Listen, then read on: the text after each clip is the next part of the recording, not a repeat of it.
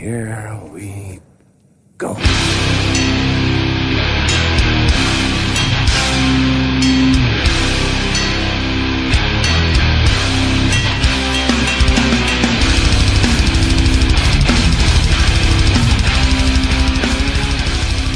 Ja men sådär då, välkommen till avsnitt 110 av Nere på Noll Podcast. Jag, Robin Lindblad, sitter här med David Olsson, Hej hej. Danne Nätterdal God kväll. och vi ska ju idag snacka om musikvideos och eh, grafisk spelad energi. design. Ja, Kom ifrån att vi har spelat in i fyra timmar.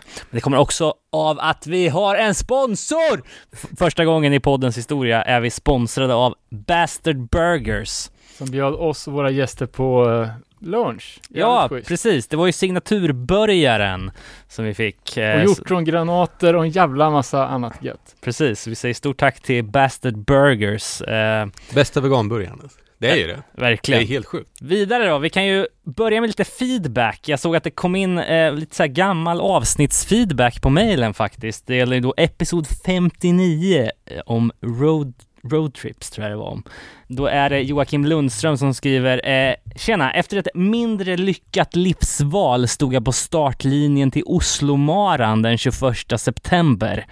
Eh, lätt blötfet, otränad och med gårdagens öl och matintag stående upp över öronen kastade jag mig ut i vad som skulle bli en ren och skär plåga i cirka fyra timmar. När jag passerat 30 kilometers markeringen så är jag så jävla less, trött och svettig att jag är nära på att kasta in handduken. Det råkar dock vara så att eh, jag håller på att avhandla avsnitt 59, den om roadtrips, när David plötsligt berättar om att han varit så satans trött när han kört någon artist eller vad fan det nu var till någon flygplats. I sin trötthet har han beslutat att blunda på raksträckor för att vad kan hända på en raksträcka? Efter dessa visdomsord höll jag på att skratta ihjäl mig och förstod att jag inte var i närheten lika trött som David måste ha varit under sin taxichaffis-eskapad. Eh, Så det var bara att fortsätta hela vägen in i mål. Och som vanligt vill jag tacka, på, tacka för härlig underhållning, skriver han. Fan, jag glömde bort att jag berättade. Jävligt Det var kul! sjukt alltså. Ja, och jävligt starkt genomfört. Oslomaran. Bra Vad fan, jobbat. sjukt att någon lyssnar på vårt jävla gaggande när de springer en maraton också. Ja men verkligen. Förra avsnittet också så äh, snackade vi om Obscene Extreme och det kom faktiskt in lite feedback på det. Eh, Hammaren skrev Udda Ting gjorde en special om Onkel Konkel. Då intervjuas Bajsmannen, the original. Eh, jag har en, en eh, snubbe på Instagram som skickade lite bilder på Bajsmannen till mig och också såg honom dra runt i Göteborg. Han såg, inte, han såg inte alls så spexig som han hade velat. Nej. Han skulle se ut. Precis. Han ser ut som vem som helst ju.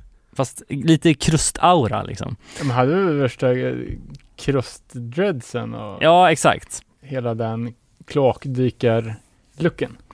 Eh, Och det här var ju då, för vi pratade väl inte om det i avsnittet, utan det här var ju en kommentar från Facebook-utlottningen av Obscene, Obscene Extreme-videon, eller ja, just DVDn. det, just det. Där vinnande bidraget vart ju Mattias Åsberg, som vann på sin story om mötet med Bajsmannen och pizzan. på grund av eh, flest antal likes helt enkelt, popular demand. Eh, så vi får ju komma ihåg att posta eh, DVDn till Matte. Det ska vi göra, grattis. Martin Egelius skrev, på tal om Vitamin X så spelade de i Sverige 98 eller 99 när det fortfarande var ett entakts Youth Crew-band på Commitment Records. Eh, De spelade på Skylten ena dagen och i Convicted Truths replokal till, tillika Tords föräldrars garage den andra. Och vill man ha mer information och stories om Obscene Extreme så kan man vad då David? Läsa en krönika på www. HTTP. Dubbel... Nej, kolon backslash. eh, nej men det är ju våran polare, Niklas Holm precis. från Stockholm. Inte för att förväxla med den andra Niklas Holm som är Broken Cross-mannen. Den Just myt- det. mytiska, legendariska. som har gjort lite slags re- resereportage eller också så här eh, historisk eh, kronologi kring festivalen ur hans perspektiv.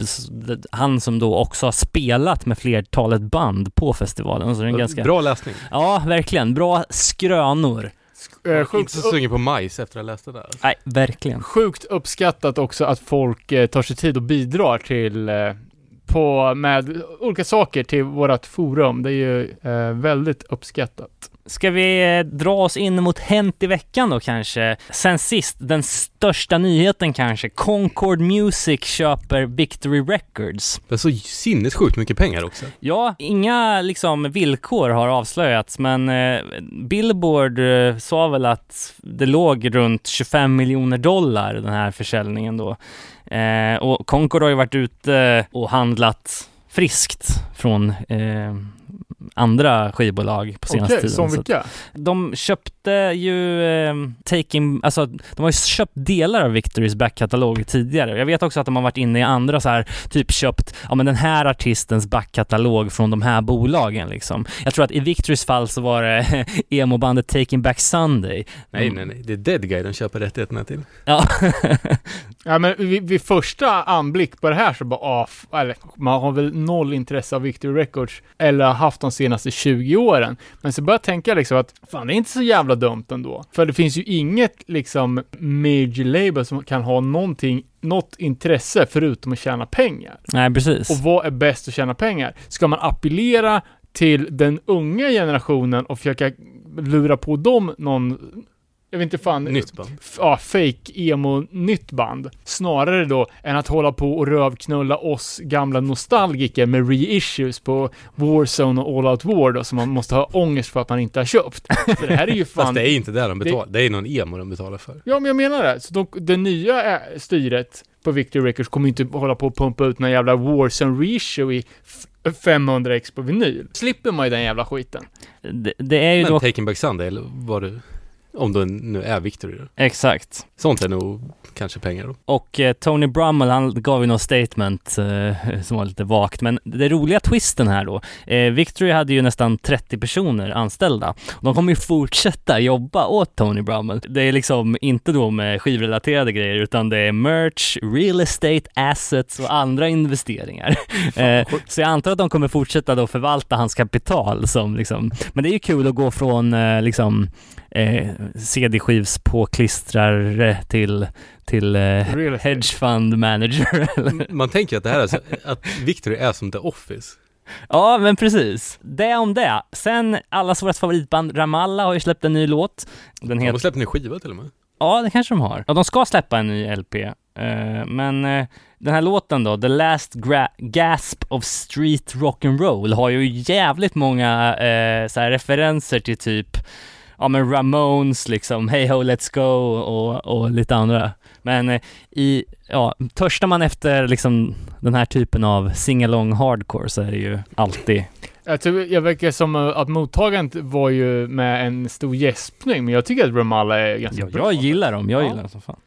Det är ju jävligt, steget från Blood for Blood är inte superlångt, men det Nej. är jävligt mycket mörkare och lite mer eh, gotiskt på, no, på någon vänster. Eller Sinners and Saints eller? Eller Saints and Sinners. Ja, man kommer ju Vilket aldrig ihåg vilken, vilken år. Ja, som fan. Body Count, eh, deras nya platta är på gång. Carnivore heter den. Och eh, Ice-T har ju nu äntligen släppt lite det- detaljer om den här plattan. Den är ju i mixningsstadiet just nu då. Och det är ingen label eller något releasedatum att fråga om än. Men eh, någon gång under nästa år då. Och Body Count som typ lyckades med det omöjliga att göra en bra uppföljningsplatta efter så jävla lång tid.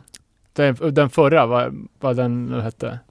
Säkert någonting med murder. Eh, nej men den var ju svinbra. Ja, men jag menar det. Det är ju svårt att göra en skitbra skiva när man inte gjort någonting bra sedan 94. Nej, precis. Cup Killer. Eh, och det var ju eh, en ganska cool Slayer-cover på senaste plattan och eh, de lovar ju nya covers till den här plattan då, så vi får väl se vad det blir.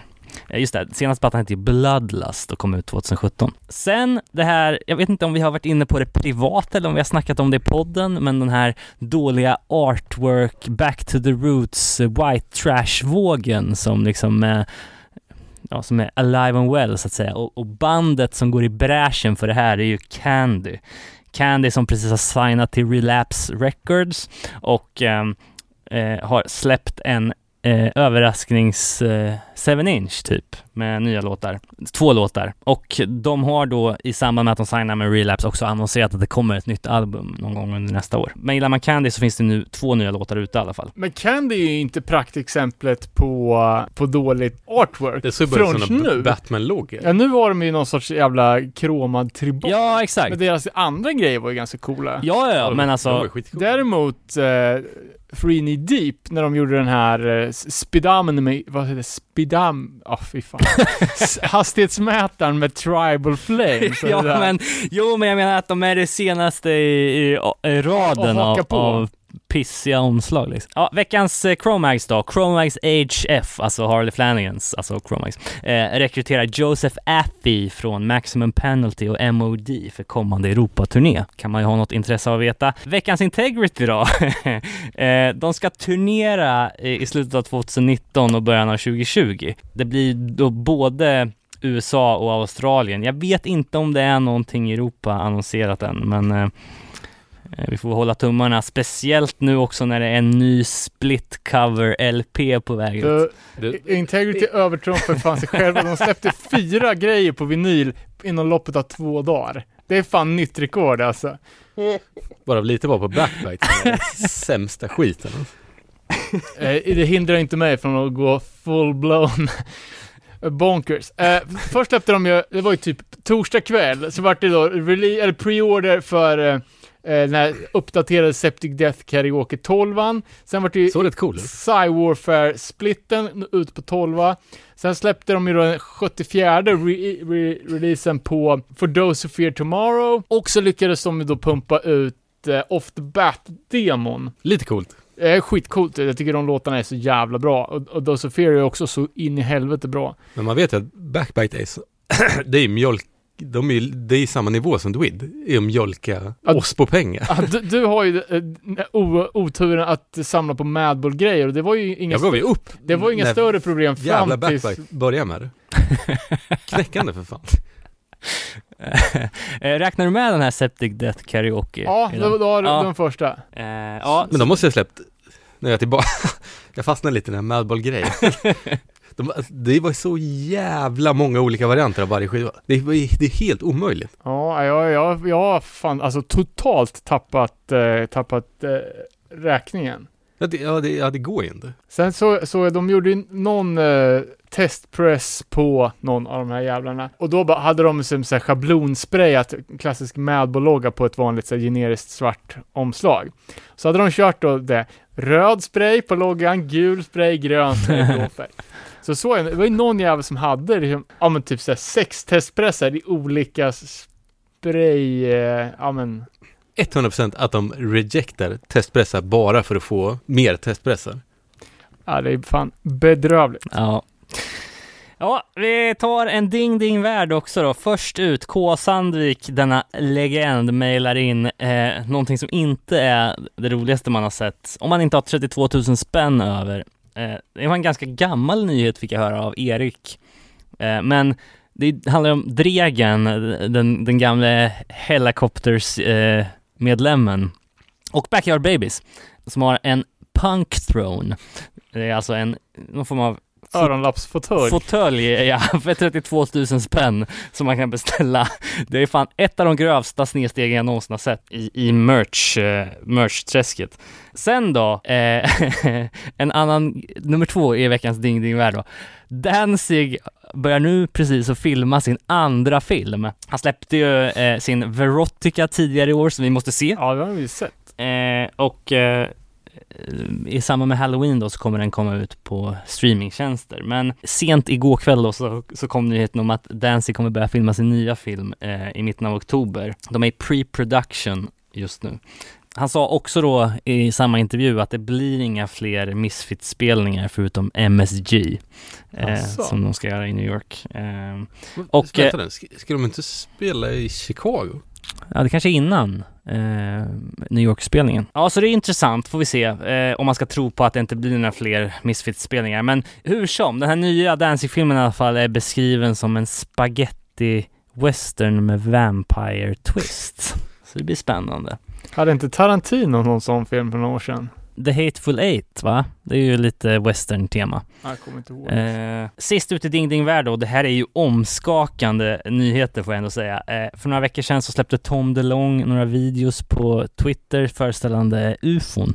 Eh, och nu har faktiskt US Navy confirmat att det är ufon på Va? hans läckta filmer. Men det handlar ju han, då... han producerar ju en tv-serie för History Channel, typ UFO Mm. Unidentified, eller vad fan den heter. Har man kollat på. Ganska intressant. Precis. Tom DeLong, före detta sångare och gitarrist i Blink-182 då, för er som inte vet. Numera, numera ufo-expert. Ja, han har ju sin To the Stars Academy som är eh, hans U- Alien Research Organization och eh, Fan, jag fick för mig att, att det var han som skulle privatfinansiera en rymdfärja, men det var ju Elon Musk. kanske. ja, precis. De Men, kommer ju join forces när som helst alltså. men de har, ja, senaste veckan så släppte de en video, men innan det har de ju under två års tid släppt några andra videos som de hävdar visar ufon då. Och eh, nu har då eh, the US Navy bekräftat att det är så, men ufo Det- det de betyder ju bekräftar är inte ju att de inte vet vad det är. Nej, exakt. UFO betyder ju inte alien, utan det Ja, betyder ett flygande oidentifierat objekt liksom. Men själva serien var ganska intressant. Ja. Det är helt omöjligt att bedöma vad, vad som är, du vet såhär, ah, men det är någon så här avhoppad Pentagon-chef.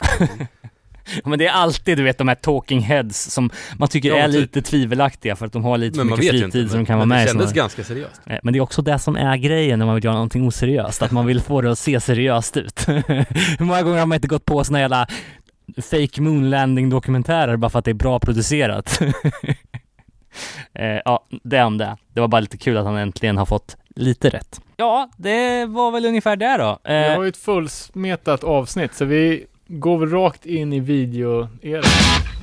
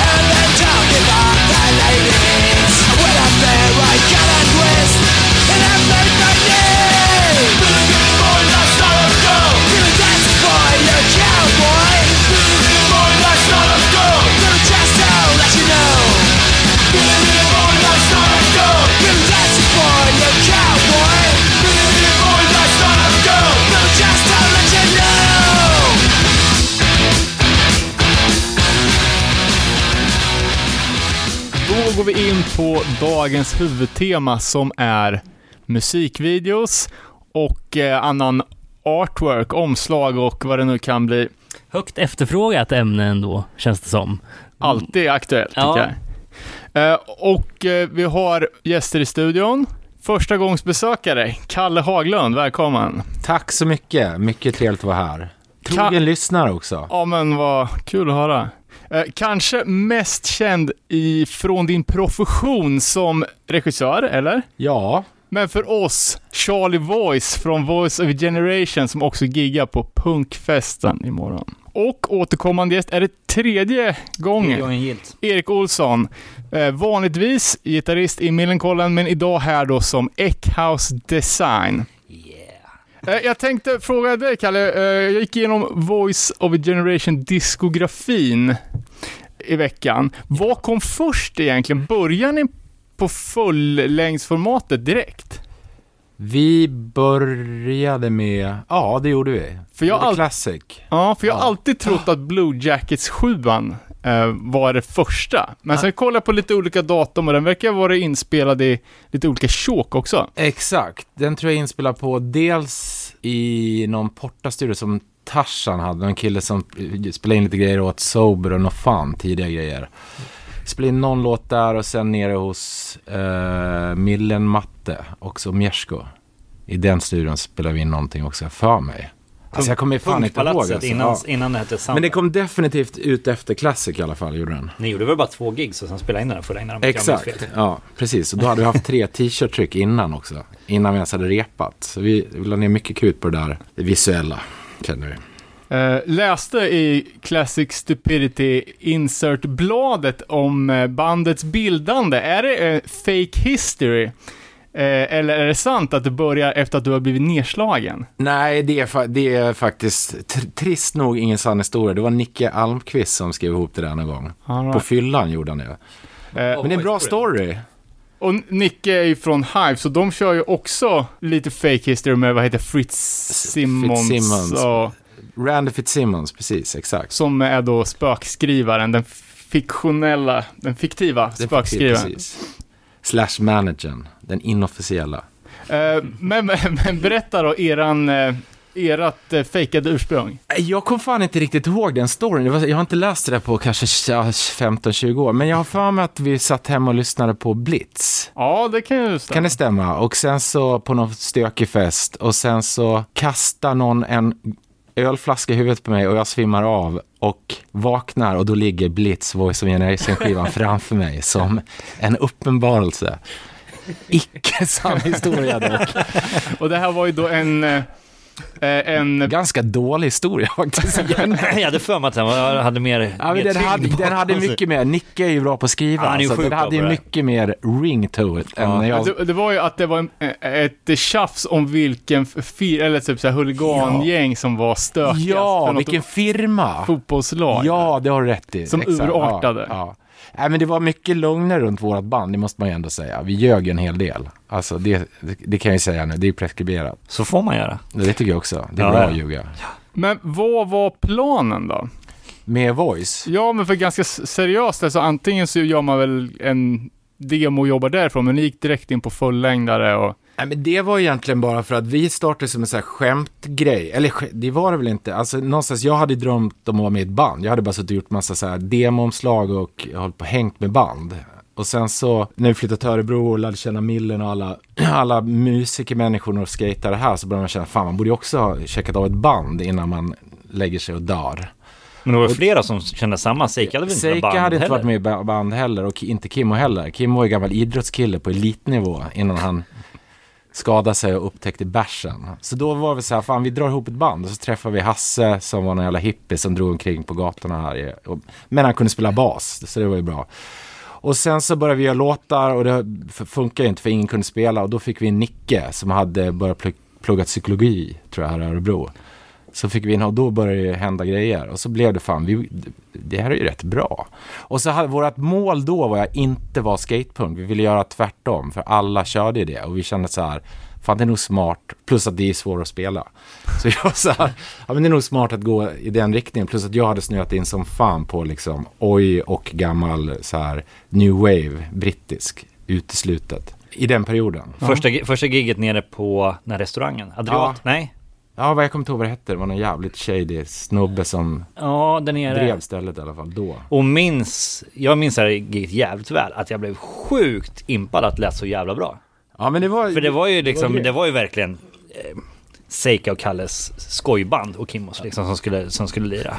Alla drar dit, så drog dit. Och så var det så jävla bra. Ja, Hur länge hade ni repat innan ni spelade första giget då? Nej, Vi hade inte repat, vi hade repat intensivt kanske några veckor. Det var det som var grejen. Så att, men jag tror, och sen, det, vi fick ju pepp för att folk blev peppade. Och hela vårt trick var ju att vi tog alla klyschor och bakade ihop det och gjorde Ja. någonting rätt. Men det kändes nytt som du säger då, för då Ja. var det ju liksom Ja, den här musiken vi spelade och hardcore liksom som allt som var på Burning Heart. Men det Ja. ni gjorde var ju, var ju liksom revival utav, utav den typen Ja, av punk. ja, och det var precis. ing- inga direkt som hade gjort det alls då, så det var nytt på den tiden. Nej. Liksom att ta, bilda ett nytt band med det. Ja men exakt, nej men jag tror det. Och sen var det också så här, vi, men det var ju så här, jag tyckte ju fortfarande, jag menar jag jobbar på Burning Heart och gillar majoriteten av banden. Men sen var det också så här, jag saknade lite grann så här politiska agendan, vilket i, nästan inga skateband hade. Och då var vi så här, men i och med att jag hade växt upp med hela den här nazivågen på tidigt 90-tal i en bruksstad så kände man så här, fan vi plockar upp det, det är en bra grej. Och det kan vi utan och till. Så, och då blev ju det också en så här USP för Alltså oss. du var inte nazi. Nej, nej, nej, nej, nej, självklart. nej, nej, nej, utan vi blev ju Färgade väldigt, ja, tidigt så här, ett väldigt så här, vi fick ju liksom mordhot från jättemånga högerorganisationer och det var ju allt så här, det var lite, men sen vande man sig med det där, men vi var ju stenhårda med det där, just så här homofobiska grejen och framförallt rasism. Så det slutade med att när vi körde Europa för kunde vi bara spela på vänsterställen för att det var, det var ohållbart, det kom ju Nassa direkt och skulle slå ihjäl oss. Ja, ni, från ett liksom skämtband så kom ni in och toucha på jävligt seriösa ämnen. Ja, på precis. blodigt allvar Ja. liksom som ja, måste varit lite märkligt på ett sätt. Ja, men jag tror det var det då, där och då, den är så här, vi började ju turnera kanske, vi åkte, första riktiga turnén var ju mer, när vi åkte Mm, det var kort 90, sväng. 97 tror jag. 97, ja precis. Vi hade gjort lite Sverige-grejer innan. Och då märkte man ju att folk var ju så här, framförallt när vi spelade mer, att folk, en del gillar det som fan och en del var ju så här, fan det är en massa nassar som står på scen innan millen, hur är det möjligt? Och kolla de hänger med millen, för de inte fattade att vi var super vänster. Fan och trodde ni var Ja, nassar? men jag vet i Frankrike när vi spelade på den jävla Ja, storstället, då fransmännen var det, då skulle förmåga att oss misstolka och vara speciella. Men alltså, Ja. det får man faktiskt säga att alltså, skinhead sharp och original skinhead-kultur var ju typ okänd för Ja, ja. gemene man på den här tiden. Ja, men Ja, exakt, det var lite jag menar, liksom att när de började med det här, det var som, de var väldigt tidiga i den revivalen som sen nu bara känns Ja, som, exakt. som vad som helst. För det Ja, var ju liksom, i- typ i samma sväng som Business släppte The Truth-plattan. Ja, 97 tror jag det var, någonstans där. Så kom ju ja, men, Voice och eh, alltså Bombshell Rocks var väl också liksom Ja. lite på det här spåret. Ja, men Bub startade ju Sidekicks som en Ja, sidolabel exakt. till Burning Heart, men, men det var inte först, eran skiva Nej, inte så här var det. Vi, Babs fick, fick tag på en jävla inspelning. Vi hade bara stopp, stoppat in en bandspelare i repan och tryckt på play, ett rep. Och så fick Babs tag på den och, och ville direkt signa. Nej, nej, nej, nej. Vi skulle bli signade på Finn Records först, av Jallo. Så, Så var det. Och- och- Direkt efter första gigget i källaren. Ja, och då vart Jallo, Jallo vart anställd på Burning Heart Ja. för att han, Det var hade redan signat på Ja. Jallos Finrec. Exakt. Så då anställde Babs Jallo för att få voice. Plus att han tyckte att Jallo var en bra, härlig karaktär. Och då fick han starta upp Sidekick för att... Ja, för Finn Records var ju... Vi, vart ju för, vi insåg att det var jävligt smart att ligga på Burning Heart eller Sidekicks, men vi dyrkade i de facto att vi blev förfrågade av Finn, för det var ju cred. Ja, just det. Så Eskilstuna, så slöddepunk som man så dyrkade, crusten. Men ja, så, så blev det inte, utan det blev eh, första skiv... Och Jallo Jag tror var, fan- Jallo var label manager på Sidekicks, det var ju där. Perfekt alltså. Han söp ju bort något viktigt möte vet Det var jag. Billy Ja. Milano på Hultsfred. Ja, jag Ja, exakt, det var på Hultsfred. var nära att de fick lägga ner Sidekicks direkt. Ja. Ja, förlåt, jag avbröt dig. Nej, nej, nej, men så jag tror så att, men, för vi släppte väl bara Classic tror jag på På Sidekicks. Sidekicks och kanske Odd Generation EP-grejen. Jag Ja, men den, den är på Sidekicks. Och sen Ja. så tror jag att när LPn på Classic kom, då hade den Plockar de upp det? på Burning Heart. Ja, men exakt, att så är det. CDn var bara Sidekick. Ja, du har fan... Kolla, det här är ju, det här är ju helt galet. Ringer Nu ringer Jallo. Åh oh, jävlar vad mäktigt.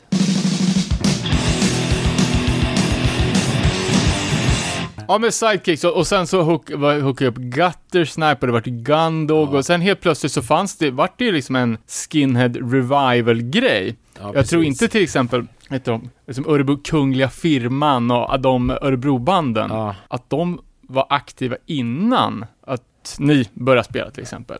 Så jag tror, jag tror liksom att det var startskottet för den. Ja, det tror jag Ja, men det här tror jag också. Jag alltså. tror det också. För att, och grejerna, allt tror jag, att vi gick den vägen var ju, jag var, gillade ju Pistols, eller liksom bland annat. Och sen så hade jag, något år innan vi startade Voice, börjat läsa, för jag hittade en bok hemma hos Babs. Jag lånade hans villa en gång, vi renoverade. Och då hittade jag en bok om liksom traditional skinheads, eller vad fan den hette.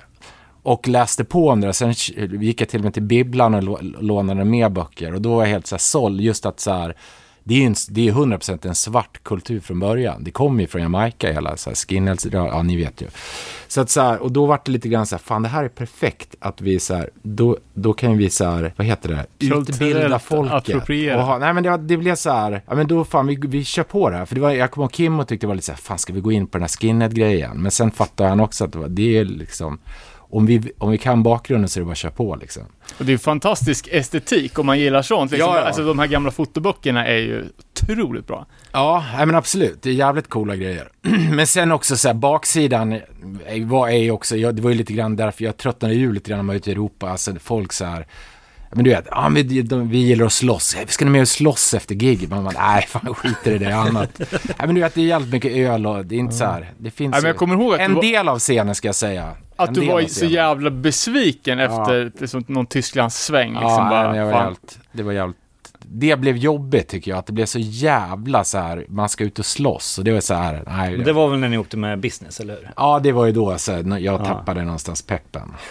Från att varit pisspeppad för att Business var ett av mina så här, absoluta favoritband liksom. Men typ i samma sväng så startade ni The Products också med eh, tidigare nämnda Jallo. Ja. Jallo, just det. Ja, men det var ju lite grann Manges idé. Han ville göra någon, han hade någon idé där. För det låter ju typ likadant. Ja, jag håller med dig. Det är väl lite mer, Ja, amer- men det är lite mer mer hardcore. amerikanskt Ja. och hardcore tror jag. Det är mer det. Vi försökte vara mer brittiska, men sen när Gacke kom in, då styrdes det direkt över och blev mer amerikanskt igen. Liksom. Var Gacke med i Products också? Nej, men alltså jag snackar, förlåt. Vo- Voice var ju från början tänkt att skulle låta jävligt brittigt, hela Ja, det ja, ja, ja, ja, sen, och det in. var det ju på Mm. första kan jag tycka, alltså, Ja. det är svensk brittiskt.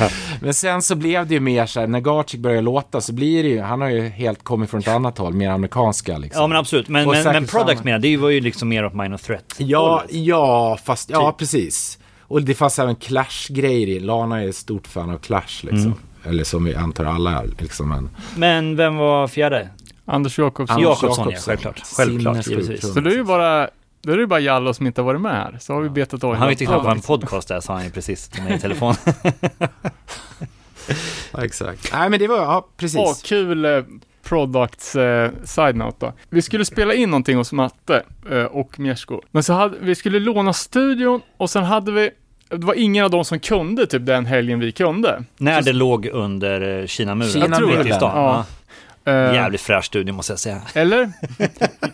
Ja, jag, jag kommer inte ihåg vart det låg, men Jo, men det, det låg där. för att, eh, vad heter den då? Eh, Products LPn, när kom den ut? 99 kanske? Eh, och 99 Ja, så det var efter den i alla fall. Ja, För då, då hade vi läst på i texten att produced by Kim Belly. Ja just bara, det. Fan, perfekt, då kan ju Kimmo rattar. Han har ju producerat en skitbra skiva liksom. Åh fy fan vad roligt. Men eh, var det då? Då, då? då var det Soundlab eh, uppe vid Burning Heart. Ja, okej. Ja, det, det var ja. det, för att... Eh, Ja, jag kom, vi kommer ju aldrig... Nej, det var det för fan, fan, inte. för nej, vi spelade in första ver- versionen av Kemp där och den är ju för fan med på eh, Home from Home sen. Ja, det är ju exakt. 2002. Nej, det, det var nere i Kinamuren, Kinamuren-studion. Ja. Ja, vi åkte, studio all, helt all, utan luft vi åk, och eh, sopor. Åkte i alla fall aldrig dit för att det visade sig att Kim hade inte alls producerat. Han hade legat och var dyngrak på en soffa. Så skrev Exakt. ni bara produ- produced by Kim Belly. Så det var ju... Och för Lana vägrade stå med som producent på det. Det var därför han producerade den. Jag tror M- Mjersko kan ha varit med och trixat lite grann där. Tror jag. De lär jag, varit, de lär jag spelat in i alla fall rent fysiskt. Ja, ja, ja, absolut. 100 procent. Ja. Ja. ja, absolut. Och jag tror inte Kimmo skulle kunna starta den studion och spela in. Nej, han hade ju inte lyft ett finger. Det var ju bara ja, ja, ja. typ, alltså ett skämt för Kim att läsa sen på... Ja, ja, jag såg också en, ett liveklipp från en uh, voice-spelning som var ganska nyligen. Kim var också så jävla vitt. Och vi har spelat i piss Tyskland. Och vi har spelat i piss Spanien. Så, och nu är vi här då, i Landskrona eller vad fan det var. Men det var verkligen så här, vad, hatar ni att turnera? Nej, jag tyckte det var roligt. Sen blev, alltså grejen att jag var ju så jävla dålig på, alltså så här, den, så här, öv, det bästa överlevnadsverktyget är väl att kröka. Och jag kan ju inte kröka när jag är på turné. Man krökade först på väg ner, så var man helt utslagen. Sen höll man, vi gjorde ju max 12-13 dagars, eh, dagars turnéer, så det var inte så långa. I minibuss. Så då var man ju så här, sen kanske man så här någonstans dag nio tog sig en bläcka. Men då ville man ju vara hem sen. Och grejen är att om jag är bak så kan jag inte spela. Det går liksom inte. Jag, jag tappar all så här rim och ranson. Men medan de andra då satt och krökade och tyckte det var det bästa. Så det var lite så här, men jag gillade själva grejen att spela. Sen hatade jag att hänga på spelställen och allt det där. Men jag gillade så här live-delen. Och det var rätt roligt när man hängde runt i en jävla risig stad någonstans. Och du vet, käkade glass eller vad fan man gjorde. så det gillade. Men, men sen blev ju det också, det blev ju tråkigt till slut liksom. Och lite slitigt. Vi kom ju aldrig upp till någon bra nivå liksom. Men åkte ni som headline eller vad man säger? Eller Både och. Både och gjorde vi. Vi åkte med Mille någon gång, vi, åkte, vi gjorde en stor, det var, en, det var ju tre veckors med Dropkick. Det var ju en, alltså så här, en lyxig turné. Men då var ju de så här röv, röv jag gillade, jag har svårt för amerikaner alltså, jag är inte helt, det ska jag inte säga, nu generaliserar jag, men så här, de blev ju, det var, jag tror att, liksom, vad heter han, eh, Al Bar var i ett mär- märkligt mode också. Han sa ifråga, direkt man öppnade käften så ifrågasatte han och sa att det var bättre. Men var I USA, man var sa. jättestor där? Ja, de var ju skit, de var ju liksom, det var ju första piken de hade, det måste varit 99, 98, 99, 99 måste det varit. Ja, 99 Efterhålls- borde det Ja, Freds. 99 borde det varit. Vi var, för då gjorde vi Europa, sen upp till, Nej, jag undrar om det var 2000, för det var ju ni spelade ju här, ni 2000 spelade ju kan- här, ja, exakt, ja. Vi, och vi var borta på turnén vet jag, så Ja, att eh, 2000, 2000, måste ja varit. 2000 kan det ha varit. För då gjorde vi Europa en ganska stor sväng, sen upp till, ja alltså Norge, Sverige och Danmark gjorde vi. Och då var det den här, vad heter den? Eh, Det var ju 59, Bombshell, vi, Den här... Eh, vad fan Den turnén. Riot. Kids from Kids Riot. Riot-turnén, ja precis. Och sen åkte vi till, och så gjorde vi England, Skottland och Irland, vilket var jävligt coolt. Irland var ju grymt. Vi gjorde två datum. Vi skulle ha haft tre, men då var det bombhot i Belfast. Perfekt, då är. Ja, för de var på grund av att tydligen så, hela Dropkick har ju släkt, de kommer från Boston, irländska Ja. Boston. Och, de har, och då kommer någon av, jag tror basistens släktingar bor i Belgien, så han har ju, de tillhör typ protestanterna och så skulle de, då blev det bombhotat det här spelstället. Så det ställdes in någon dag innan bara. Så då blev det Cork och Dublin istället. Men det var ju helt, alltså bland det coolaste jag gjort, Ja, spela på Irland. nice. Men så här, du var bara med på de två första plattorna? Ja. För det, och sen släppte Voice tre till ju. ja, exakt. För det känns som att Voice var med dig och sen lite, lite med någon annan på slutet. Ja, Men Nej, men jag tror att de hade svårt med det där med att hitta sångare också. För att de, jag tror att de testade fan nio sångare på, tror jag så här, ja men det var helt absurt, en och en halv månad. Jävlar. Och gjorde gigs med typ fyra av dem. Och sen hittade de han, vad hette han, Molotov Mike hette han väl? Jag kommer inte ihåg. Ja, Jag har ingen aning, jag har aldrig träffat snubben. Så gjorde, och sen blev ju han den som blev fast sångare i Voice. Alltså det lät ju bra sen också, men, men Voice vart ju, var ju aldrig Voice när du lämnade. För oss i Millen i alla fall liksom. Nej, det, det, var ju, det var ju ett bra, alltså känner jag alla andra, men, men Ja, ja. eh, det, när man kollar på live så det, det var ju fortfarande bra, bra låtar och så, men det var ju, det var ju en, en helt annan sak. Ja, men det känns som att det blev en, men det är svårt. Seika hoppade av, jag hoppade av och Hasse hoppade av. Ja. De- ja, men det var ju bara Kimmo som var original Ja, det var ju bara, ja, det var bara Kimmo. Men så jag håller med, de är ju grymma, de är ju grymma snubbar liksom. Men, men, eh, nej, men och jag har ju knappt lyssnat på dem senare efteråt. Och, och det grejen är att det var ju sjukt jobb när jag hoppade av typ 2001. För jag fick, det blev lite så här, för vi hade ju grejer, vi skulle ju åka på, jag tror det var någon av de här, om som ni åkt på hundra gånger, de här bra turnéerna. Om det var någon ja, typ Vans-turnén eller någon, vi skulle åka på en sån här bra turné i USA i alla fall. Ja, Warp Tour. eller? Warp Tour skulle Ja. vi få. Ska ni göra det i USA? Ja, i USA. Fan. vi fick förfrågan på det och då var det lite så här, och, i det, och då hade jag precis bestämt mig att hoppa av. Och jag hade, hade satt i en månad hade ångest för jag var så här, fan jag måste börja jobba plötsligt. Jag vill bara hålla på med det här och det går inte att kombinera. Hade du slutat på Burning Heart här eller? Ja, jag slutade 98 så jag pendlade ju, du vet, just gick på Forsbergs skola. Ja. Samtidigt som jag så här, brände mellan Örebro och Stockholm. Det var helt absurt liksom. Jag levde på de där äckliga bussarna mellan Stockholm och Örebro där folk åt så här, tonfisk och skit liksom. det var helt vedervärdigt. Och sen repar man och sen plugga liksom. Så då hade jag bestämt, och jag kommer ihåg samtal när jag skulle ringa Kimmo, för det, han var ju tvungen att ringa först. Det var ju liksom, vi var ju så här brorsorna i bandet. Och det var helt bedrövligt. Det var som att göra, alltså, göra slut. Och Kimmo var ju skitarg och besviken i ett år. Och jag var helt knäckt. Men sen lyckades vi plocka upp det där sen som tur var. Men det var, knäck, det var knäckarna. För det var, alltså, det var ju extremt bra spelningar. Jag kommer ihåg, det var på min 18-årsdag, då spelade Voice och Bombshell på en onsdag på, mittemot Alibaba, jag tror det var i Galway kanske. Nej, Jo, jo Galway, just Galway ja. In hette det Nej, vilket år är det här? 98. Ja, då hade vi släppt någonting. Galway, Ja. då släppte vi nog. Det var nog, ja, skitsamma. Jag, du vet, första gången på krogen, alltså, det var ju så ett litet ställe, sånt jävla kaos. Det bara, okej, det är så här det är liksom. Jag, nu är det krogen för mig liksom. Sen blev det ju typ aldrig lika kul som den gången, men det var ju så jävla bra, det var så jävla många bra spelningar. Ja, men det var ju roligt. Det var ju kul. Men jag tror alla vi har gillat, det märker man ju nu när vi sågs för två veckor sedan och repade. Vi gillar ju att repa liksom och spela och, och vi har ju ganska roligt ihop liksom. Också kul grej när ni, när ni börjar med parollen Spit from the crowd just makes us fy proud. fan, det dummaste jag skrivit i hela mitt liv. På en, fy fan vad det var idioter. För då gjorde vi så här, då var vi borta varje torsdag till söndag i fan ett år i Sverige. Och det var fan helt bedrövligt. Alltså, jag vet, det var så jävla äckligt alltså. Jag tyckte det var en så här grym idé. Du vet, så här. Kulmen var när vi spelade på Hultsfred det året, när jag, fick, när jag stod och gapade.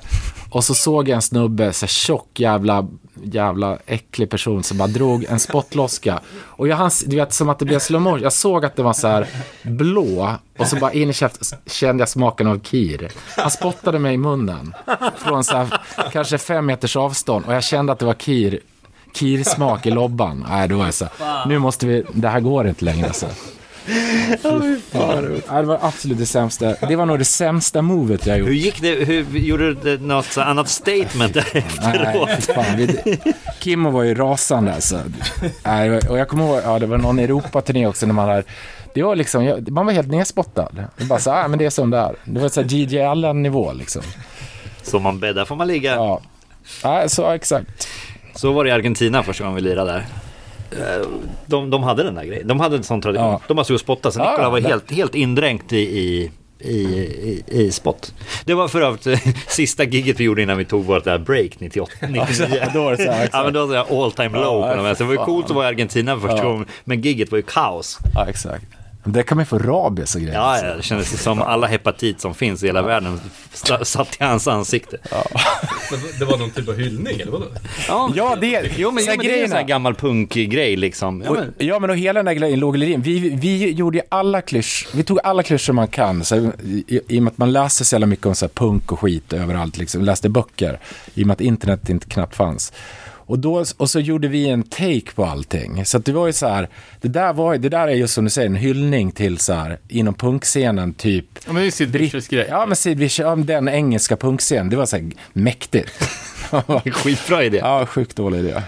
Ja, och där levde du kvar i Argentina. När vi var där då, det var ju knappt några... Alltså det var ju sådana punkgigs i Argentina. Ja. Sen, var det, sen kom vi där helt Ja. random liksom 98. Så, ja, Ja. de körde på. Tradition. Men när, okej, du, du lämnar Vågs. När kom ni tillbaka då? Var det på Millens 20-årsballong? Nej, vi gjorde Göteborg 2011 på den här, äh, fan heter det? De har en punkfest. West Coast Riot. West Coast Riot, exakt. I, nej, det var nere... För den är, ans- det Travbanan, just ja. Precis, För den är ju ansluten till den metal-grejen. Ja, precis, metal Metal Town. Town. Ja, exakt. Eller var, det finns ju inte kvar. Nej, det finns ju kvar, Nej, precis. Det var, det var ju ja, då. ja. Ja.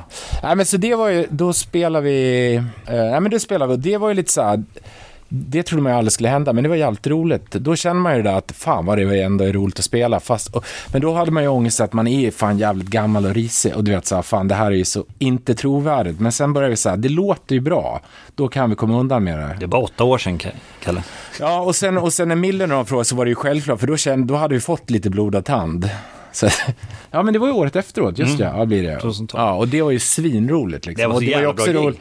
Men det, då kändes det ju som, alltså ni var ju, både du och, och Kimmo får runt med gitarren. var ja, Ja. så- alltså, det, var, ju- det var ju som ni inte hade gjort annat än att stå på scen. Nej, men, det, nej, men jag tror man Så gillar det. höga, höga förhoppningar inför imorgon. Ja, vi får se. Det är konditionen som Det är inte lika stor, det är inte alltså. lika stor scen. Kalle. Nej, exakt. Det är, det är bra. Det Du gillar har man. inte så mycket att klättra i heller. Nej, klättra och Kimmo när han har la- ramlat. Hög fallhöjd. ja, exakt. Ja, det är i och det. för sig. Ja, det blir bra. Får se var det landar.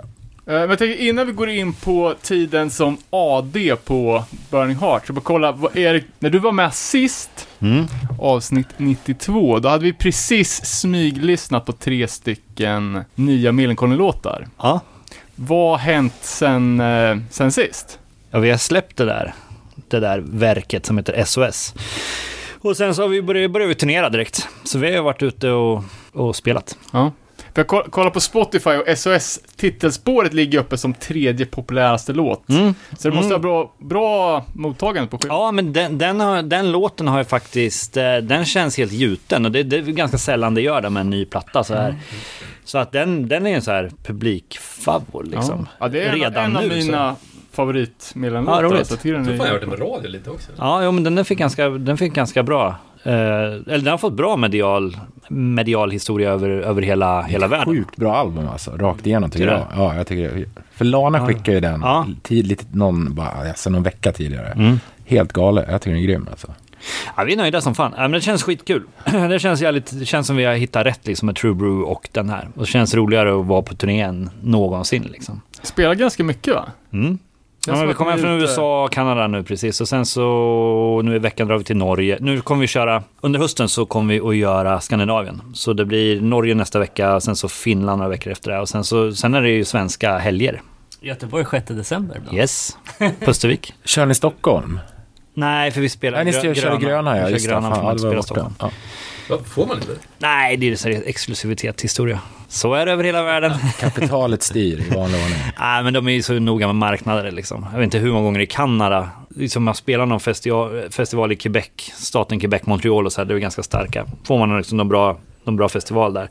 Ska man gå och göra, göra en turné sen, då har de så här, jag tror att det är så här, så här vansinnigt, så här 285 dagar ifrån eller något sånt där, är någon sån standard. Det är någon sån här, alltså det är långt ifrån, för då hade vi varit där och spelat snowgrej i februari. Fick vi inte liksom under sommaren göra liksom egna klubbgigs liksom. Så det, det här med territorier är jäkligt kinkigt nu för tiden hos bokare. Kul Den här. Goldfinger-svängen då, hur gick den? Ja, De var ju förband. ja, eh, men det var bra. Det var ju första, första Australien. Det var första, första turnén vi gjorde på det och vi åkte till Australien direkt. Nej, det var skitbra. Riktigt, riktigt bra. En klubb, klubbsväng med dem som, som förband.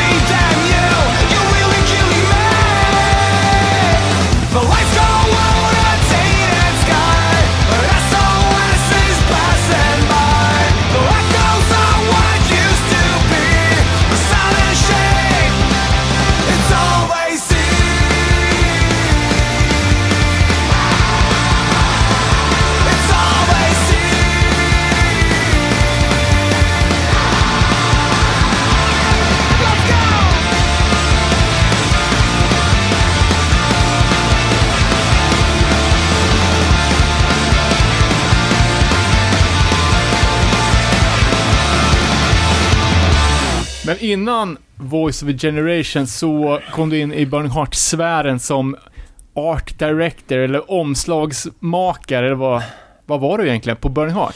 Ja, omslagsmakare är väl, alltså egentligen om man idag, om jag är rätt, så var jag typ AD på Burning Heart, Art Director, men det var fan, jag var omslagsmakare, jag gjorde, jag gjorde en massa Jag tror inte omslag. någon på den tiden visste vad AD betydde. Nej, jag, jag hörde första gången jag började plugga till AD, då första gången jag hörde det. Och vad, ha- vad hade du liksom för track record? Var du billig i drift eller va- var du känd för att ha gjort bra fanzines eller? Nej, 100% billig drift. Jag var ju liksom springpojk åt Babs. Men det var ju också så här, det ska, nu ska jag ta Babs i försvar också. Jag har ju lärt mig, jag hade ju inte gjort det jag håller på med om jag inte hade börjat hänga med Babs. Så att jag menar, alltså, allt ifrån det man lyssnar på, så här, musikutbildningen man fick. Och sen tror jag att jag, sen var man ju lojal, hjälpte honom med grejer och jobbade då, blev ju en billig arbetskraft. Men jag tror också att han hittade ju ett gäng som man kunde lita på och som gjorde jobbet, liksom, vilket var vi fyra, fem första som började där. Det var ju jag, Mudda, Seika. Det var ni. Det var vi, ja exakt, det var vi var de fyra första. Och ni var med Burning Heart redan innan Örebro? Ja, jag var den första som blev anställd och sen kom Seika in och sen Mudda. Eh, och då blev det, ganska snabbt blev det den här fördelningen liksom. Jag skulle göra omslag, Mudda skulle hjälpa Bas med PR och liksom den affärsmässiga. Och Seika skulle liksom kicka på lite med postordern som hade börjat då Okej, redan. Liksom. Du tog ju för över, över mitt jobb, för jag hittade häromdagen när jag var och grävde efter det gamla Same Old Tunes-grejer som man har 25-årsjubileum på nu. Ja, just Hittade det. jag brev från Babs. Hoppas jag inte belastar dig för mycket nu, men jag behöver den här annonsen, den här annonsen, den här Ja, annonsen. just jag, jag, ja, ja. Ju, jag gjorde ju Burning Ja, fan, det har jag glömt bort. Ja, för det gjorde, du satt och gjorde Nej, grejer jag innan. gjorde ju Burning Heart... Loggan Ja, ja, du. Du gjorde loggan. Heart-logon gjorde jag. Ja. Och sen så gjorde jag ju de första liksom, annonserna under några år där på min gymnasieskola. Liksom. Samtidigt som jag gjorde, satt och gjorde mitt fanzine.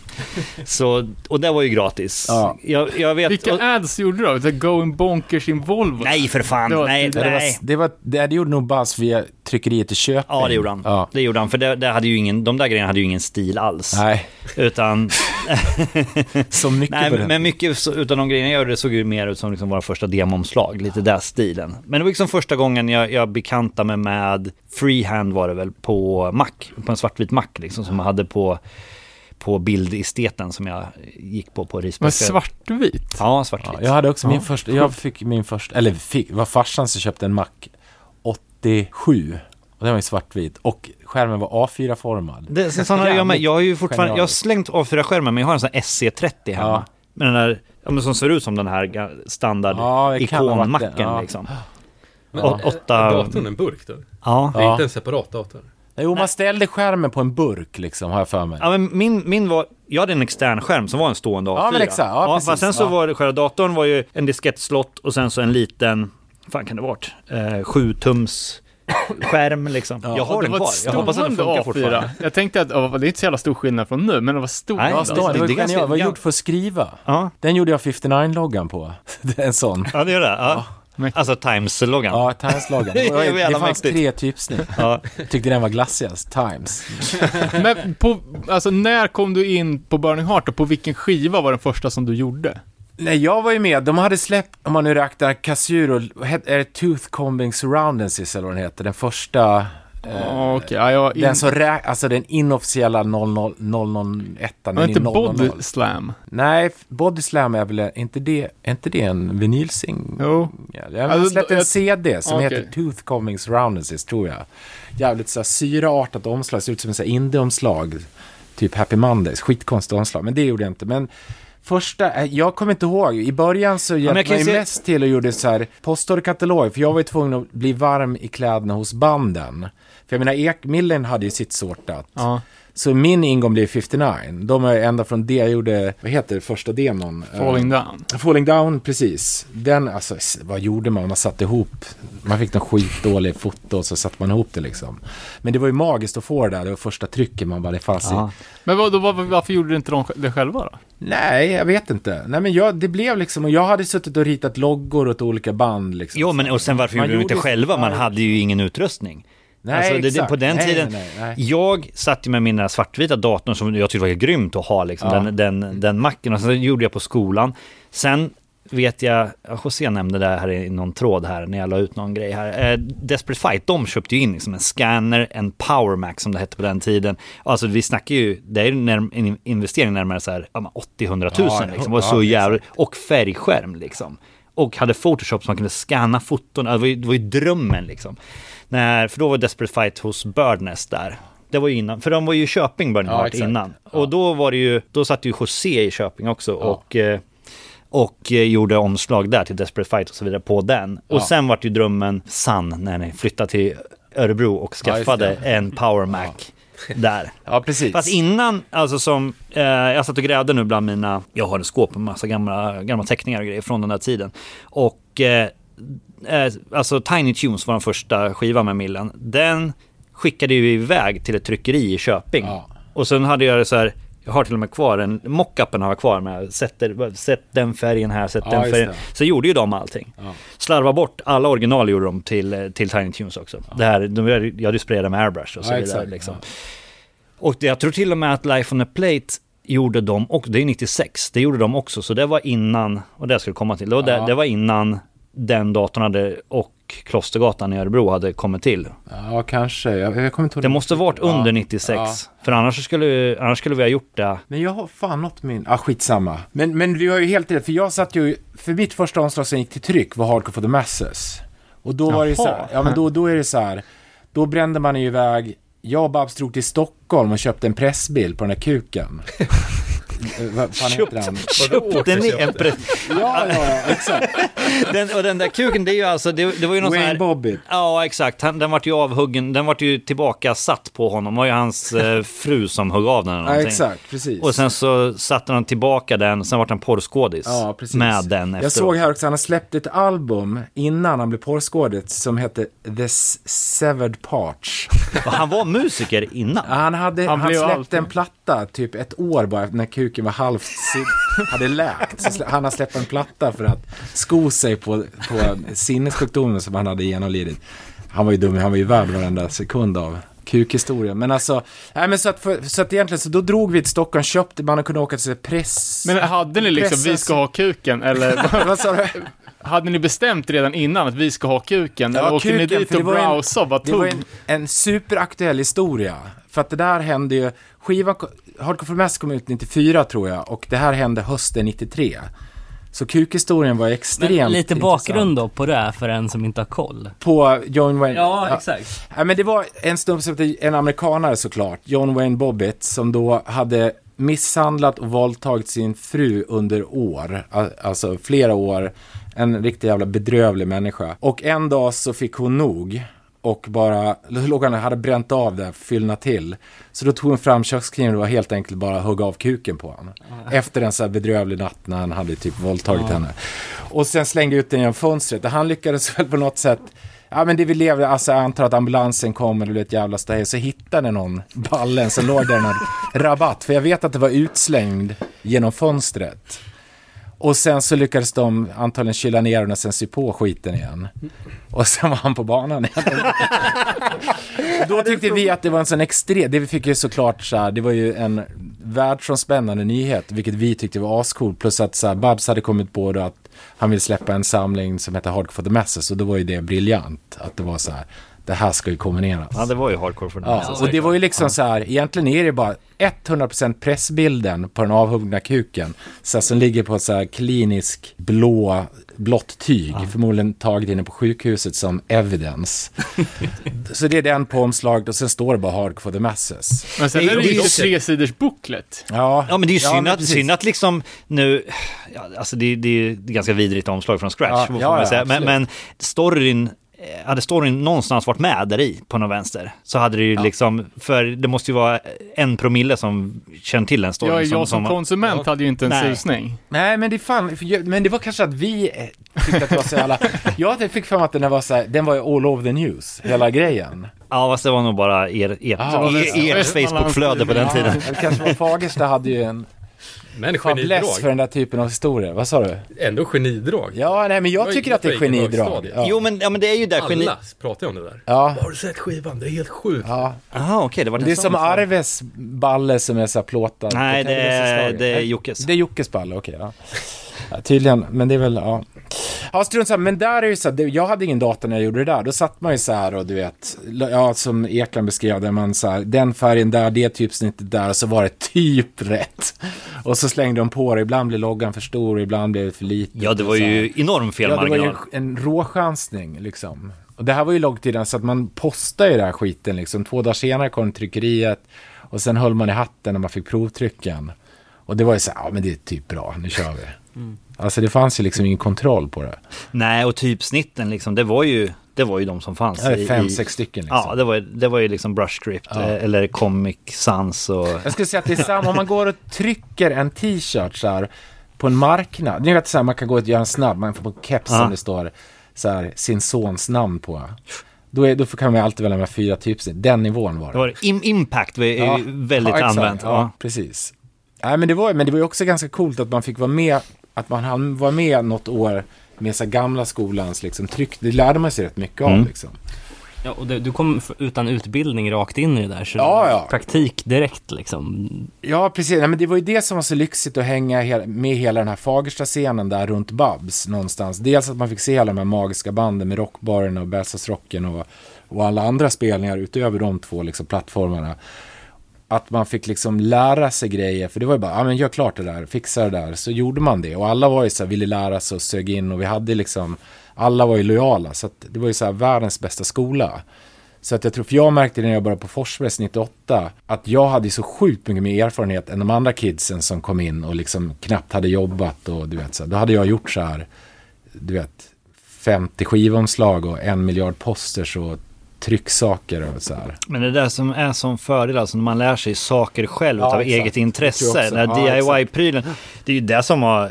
Det är därför jag har hållit på med de här grejerna. Med allt mitt. Skateboard, musik, artwork och allting. Ja. Det är ju det här att du känner att du kan göra det själv. Och man tycker att det är så roligt. Så man lär sig ju Photoshop utan... Man gräver ihop det själv. För man, man liksom hittar ju där man ska göra de olika sakerna. Ja. Så man är ju helt självlärd. Och det har man ju en enorm nytta utav liksom sen. Ja, och jag tror att det blir så jävla enkelt, för jag är ju sjukt så här, jag kan ju lära mig extremt svåra tekniska program. Men jag hatar ju manualer. Men, men jag tror att drivkraften blev ju att så här, man var ju tvungen och det var dessutom inom ramen för något man älskar, vilket är musiken. Så Mm. då blev det så här, givet att man orkade hålla på med. Och jag- när jag träffade Ekan, då hade ju så här, det var ju också så här världens bästa skola. För vi var ju så här, typ på samma nivå, rent datamässigt. Mm. Jo men vi satt Och vi och satt och oss... ringde varandra Ja. hela tiden så här, bara, fan, har du sett det jävla filtret? Nu fattar jag det. Och du vet så här, Eka bara gåshud, eller tvärtom och du vet så här.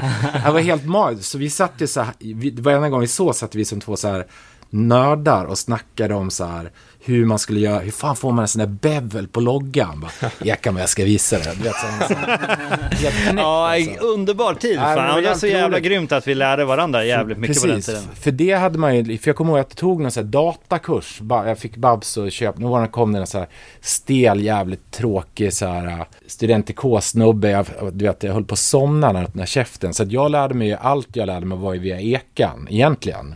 Vi, och så, du vet, trial and error. Ja, ja, men exakt. grejen. Ja, så det var det. Och sen nästa gång jag lärde mig grejer, det var när jag började forska, så man träffade andra som, ja, men som jag och Ekan hade hållit på liksom. Som ville lära sig. Och där minns jag ju när du började, för det första, stor saknad när du lämnade Burning Heart, liksom, från det här att vi satt Ja, liksom, just och det, lärde ja. varandra. Men sen liksom när du kom med det här Forsbergs-tänket, och det är ju fortfarande, jag ligger ju fort, min typ av artwork och de grejerna jag gör, det är fortfarande gamla Burning Heart-grejen, att man lär sig själv. Liksom. Ja, ja, ja. Men det där liksom tänket att göra det professionellt och komma in som en AD och du har en copy och bla bla. Bla. det, Likadant med video också, att du sätter ihop ett team och du har olika roller. Där, när du lärde dig där, det är ju verkligen ett steg längre. Där, där Ja, men det är ju två olika till. grejer liksom. Men jag kan ju också gilla det. Det är det som nu när jag jobbar med Apex, att man går tillbaka till det gamla, man sitter själv och gör ut grejer. Det finns det något härligt i det. Sen kan jag också gilla när det är upp, men då är det ju så här, då är det reklam och då är det mer pengar. Men då är baksidan att det är så här superkommersiellt och det är någon annan som, någon kund som, ja, det blir mer så här boxigt då liksom. Men man, jag kan gilla båda grejerna. Ja men det Det är två olika sätt att jobba på. Ja men liksom. absolut, absolut. Och det är ju säkert jäkligt bra när man ska börja jobba på det boxiga sättet som du säger, att Ja. man har den här DIY-bakgrunden. För Ja, då, ja, då har man ju liksom basen att man ändå kan göra grejerna själv också. Ja, Ibland får- kan du bli inlåst, nej jag bara copy. Ja men fixa det här i Photoshop, men det kan inte jag göra för det är ju, är ju Adin som gör det. Liksom. Men då då Erik, du har gjort allt grafiskt åt Millencolin sedan dag ett. Ja. Men vi kollade, vi, det var ju fan lite svårgooglat, men hittade i alla fall några andra grejer som du har gjort också. Ja. Till exempel Icing Compilation-omslaget. Ja, jag, jag gjorde några där till Finspångsgänget där. Icing, gjorde du någon till? Eller var det Icing jag gjorde? Sen, det var ju... Ja, alltså jag gjorde ganska mycket grejer, jag har nästan glömt bort det själv liksom. Men det var ju, det var ju flera av de här Babs-samlingarna också, de här Heart Attack gjorde jag. Och eh, där hängde VJ. Eh, den. Det gjorde jag även ett långt animerat intro till. och så vidare. Vad hängde video, det är alltså Burning Heart The Video Compilation, var det den första? Det kom ju ett par stycken. det var första som kom på DVD. Har- Movie. Age var tidigare. Och sen, kom, just och sen gjorde jag även den där Flames Still Burns som var en konstig det. grammatisk eh, eh, titel. Eh, Ja men det var väl det och sen så, ja men sen har jag gjort massa mera. Ja men Frank Lee-grejer, jag har gjort till Nikola, jag har gjort, eh, ja, Konkret piket. konkret piket men det är under pseudonym. Pu, Pubis Sörensen. Men gjorde du Charles Hårfager? Det måste vara du som har gjort. Den där... Uh, Korpenfallet. Korpenfall. Ja, Korpenfallet, det var ju det, var ju det sista jag Och gjorde den innan jag hoppade av. pillerlåten? Eller, Nej, det, det var ju fullängden, det var, det var efter jag hade hoppat av. Då var det Miesko. Men det var du som gjorde omslaget? Ja, omslaget gjorde jag till den. ja, exakt. Men jag har gjort, gjorde en Nightingale, gjorde jag, kommer på här när, jag, satt, när du frågade där. Och, och Neverstore. Sen är det säkert lite mera grejer jag gjort som jag har glömt bort liksom.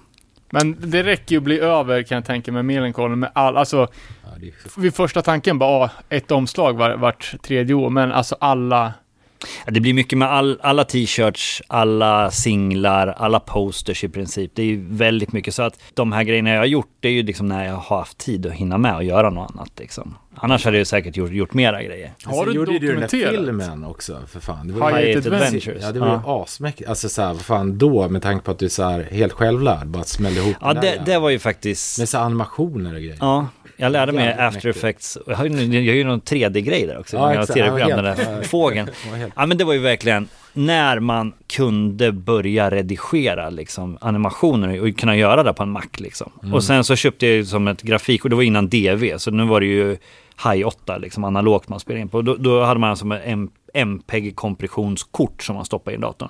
Allt det var ju svinigt dyrt liksom. På, jag köpte ju en extra drive på 9,3 gig vet jag. Den gick vi på närmare 15 papp eller något sånt där liksom. Och, eh, men det var jävligt roligt. Det var så otroligt roligt för det var så få som Visst, det var ju, jag har ju kommit från skateboard liksom och skateboardvideos och den redigeringen liksom. Och, och de hade ju börjat med det liksom företag, men så hade jag tjänat ihop lite deg med Millencolin så jag kunde ju liksom köpa de här grejerna, men det var ju oerhört dyrt. Ja. Fast det var så otroligt roligt att att, eh, att lära sig redigera. Och det var ju verkligen trial and error. Och det var ju, det var ju jävligt tungt för en dator att klara av de här MPEG-klippen också liksom. Eh, och sen så, ja men sen lära sig After Effects och animera lite grejer och sånt här. Det var, det, det var sjukt roligt. Vi hade ju ett break med Millencolin 99. Det var då jag liksom lärde mig allt det där och gjorde den där, den där Men filmen utav... En grej, för, för du skejtade ju redan innan Charles Hårfager. Ja, ja. Och filma skate såklart. Ja.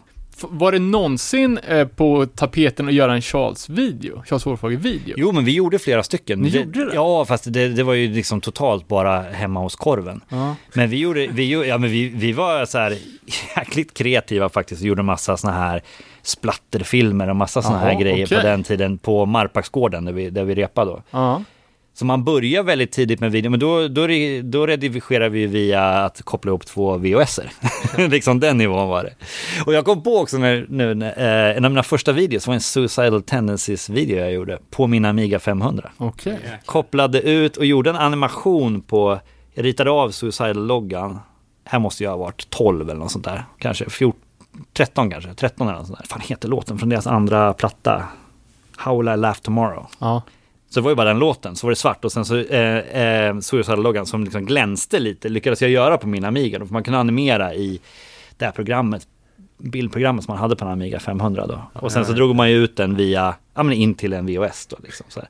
Och så ju, klippte vi ju även videos då, att man satt ju och tryckte play och rec Ja. liksom så här. Hmm, Fast det vart ju, vart ju bara för, men jag tror faktiskt, jag tror att Korven har kvar några av de här videosarna. Alltså men det, var ju- ja, det är ju snorungar som håller på och springer runt med en videokamera och filmar. Men en sån här stor då som man stoppar i ett riktigt VHS-band i. Tänk, Liksom. Det gjorde jag även de första skateboard-videosarna eh, med. Då lånade man ifrån, det var, det var från skolan någonting, men det var ju liksom i sådana här enorma videokameror. Man stoppar in en hel VHS liksom. Svinroligt. För, för, för, för min generation, vi filmar ju också skate liksom, och hade ju inga problem att göra, alltså, göra en skatefilm av våra ruttna trick. Men det fanns liksom inte på världskartan att vi skulle våga göra en musikvideo, för det kändes så mycket mer utlämnande liksom, och stå och vara, ja men, Men sen var det ju liksom de här, Ja, men- men, det var ju ingen synk liksom. Du kunde inte, för ljudet fick du ju kopiera på efteråt. Fan man gjorde, jo men visst fan gjorde man det? Ja, då var man ju tvungen att ha, jag vet att jag var uppe i Östersund en sväng, läste på komvux, jag fan vad jag gjorde där uppe när jag tänker efter. Men då, det här måste ju varit 93, 94, och då hade de en så här, kommer jag ihåg att vi fick låna deras redigering. Det var ju Mm. tv-redigering, det var ju sjukt komplicerat med de där grejerna. För Mm. att synka ljud, jag tror att det är det som måste... Nej men fast- det började med sen, för sen började jag videoredigera på Studiefrämjande i stan. Okej. De hade en sån. En sån där redi- maskin, ja, ja, men det det var ju också vi- via VHS. Exakt. Men du satt ju och redigera och då, då hade man ju en ljudkanal och så vidare. Ja, det, det, det, var ju, det var ju bättre. Men, men hur jag gjorde det med, jag tror att, jag tror till och med, ja men jag tror man var tvungen att ha en speciell eh, med VHS-spelare som klarar att lägga på ljud efteråt tror jag. För då klippte man väl bara, och så fick man ju typ tajma någorlunda klippen som man visste liksom. Och sen lägga på ljudet efteråt. Men, det, men att synk på sång och så, det var, det var ju inte att tala om på den tiden såklart. Finns det här att se eller? Nej, MS-korven kanske. jag vet inte. Men eh, nej, det finns inte att se. Men det är ju kul, för man, hör, man ser ju också när man kollar på musikvideos från 80 och tidigt 90, man hör ju mycket av, eller man ser ju mycket av de här skavankerna som Ja. du beskriver att man inte kunde utföra tekniskt. Ja, men det är ju det. liksom. I laggande sång och liksom, ja, inte helt synkat liksom. Nej men exakt, och sen var det liksom, det, man drevs ju av att det var så kul att lyckas göra något sånt där själv liksom. Och det var ju DIY redan, det är det jag fortfarande håller på med samma sak och lär mig själv grejer med, den- med den utrustningen man har liksom. Och det var ju extremt kul liksom. Att få några, sätta några trick, liksom skate-trick på en video på den tiden och få på någon suicide-låt eller någonting. Det var ju, det var ju drömmen. Liksom. Det var ju hur coolt som helst. Jag och en kompis, eh, Stefan Ronqvist, Ronken, vi, vi filmade ju jättemycket. Vi gjorde tre stycken skatefilmer tillsammans. tar en titt på Burning Heart-katalogen och alltså själva back-katalogen, inte postorderkatalogen. Det är en jävla variation på, på omslagen måste man ju säga. Det kan man säga. Eh, ligger du bakom alla som inte är Millencolin eller var det några fler band som hade egen design? Ja, absolut. Det var ju många, alltså Satanic Surface hade ju Henke Walse bland annat. Och sen eh, Breach hade ju, fan hette Pierre. han? Pierre ja, som gjorde en jävla konstnär uppe som gjorde grejer. Så att det fanns, och, och jag kommer ihåg, jag har gjort någon Mind ja, men de hade också någon snubbe i Karlstad som gjorde grejer. Men ofta var det väl eh, för, för dig att liksom, även fast de hade det så, så fick du ju originalet och sen så fick du ju liksom arbeta där sen. med- Ja, för ibland, jättemycket precis. grejer. Och ibland hade banden bara gjort ett omslag och sen satte ihop s- sleeven liksom. Men det var ju mycket så här, samlingsgrejen har jag gjort det mesta under, de som släppte under mina år där, 94 till typ 98. Man kan ju säga, också säga att under de åren på Burning Heart, alltså det gick ifrån ett eh, Ja, ett eh, litet skivbolag till ett ganska stort skivbolag och bara spruta ut plattor. Ja. Så jag kan känna att det kanske var lite, ja men att det var högt tryck på Ja. AD-avdelningen. Ja, det var det verkligen. Precis, för att det var också, jag höll på att jobba, jag jobbade ju liksom, jag gick, ju- man var där typ nio och jag gick ju aldrig hem före, ska jag säga sju, åtta på kvällen, alltså i, under hela min tid i Örebro. Men jobbar du med produktion också? Ja, alltså produktion av Nej, ja, men, trycksaker. ja, men precis, hela exakt. Ja, ledet. jag hade ju helt lid på det liksom.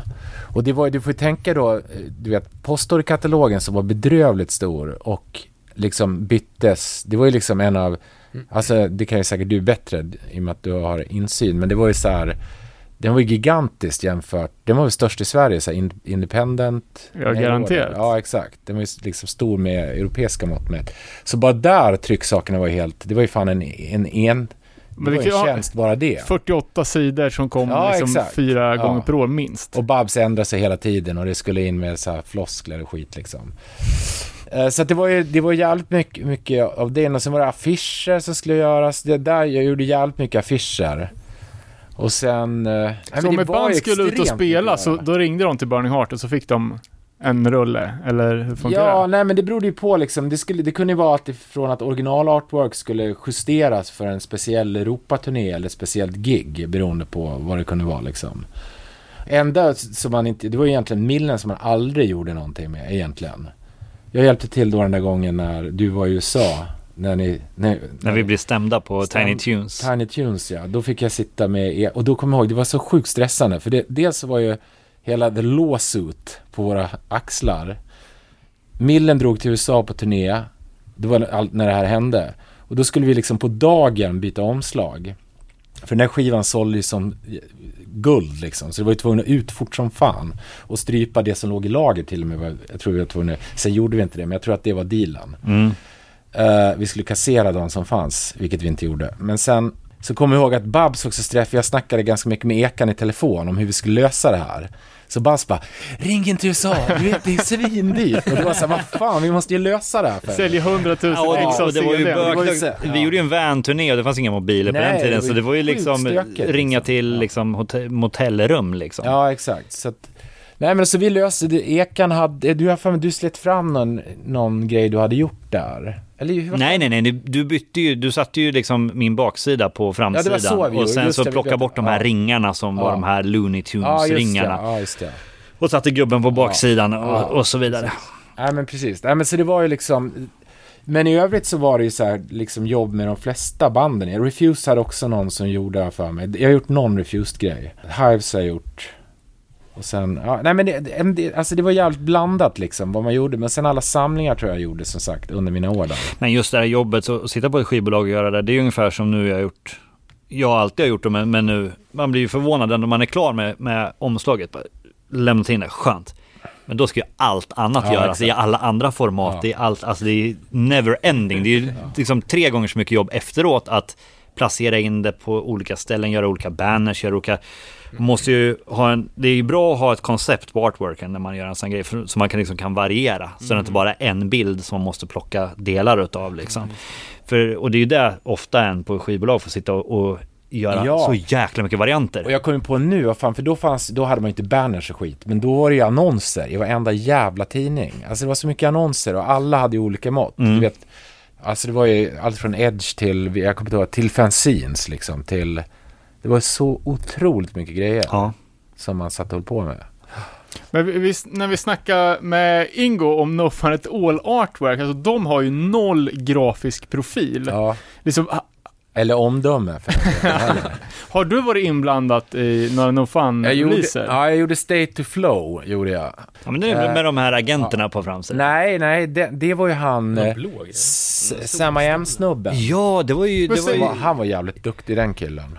Ja, eh, Eh, alltså han- jag träffade honom för två veckor sedan. Vad fan heter han? Sergi, Sergi. Sergi, ja, Han var ju precis. på Så- så gig i Los. Angeles. Sergi Graphics ja. Sergi, eh, gitarristen i Sam I Am. Ja, men eh, vilket omslag är det? För State of Flow är två s- som ligger Ja, och exakt. solar. Nej men den heter ju... Just det, eh, just det, det har ju du gjort. Ja, och sen har du ju den som, som Sergi gjorde till något fan ett år heter ju... Det är ju som några så här eh, vänta, jag har 40-talsagenter, inte så med här den här svartvitt någonstans. med... The Big Knockover. The Big Ja, Big. Knockover. Big. Knockover. Men kan vi inte prata lite om Ja. No Fun At All Out of Bounds istället? Ja, herrejösses alltså.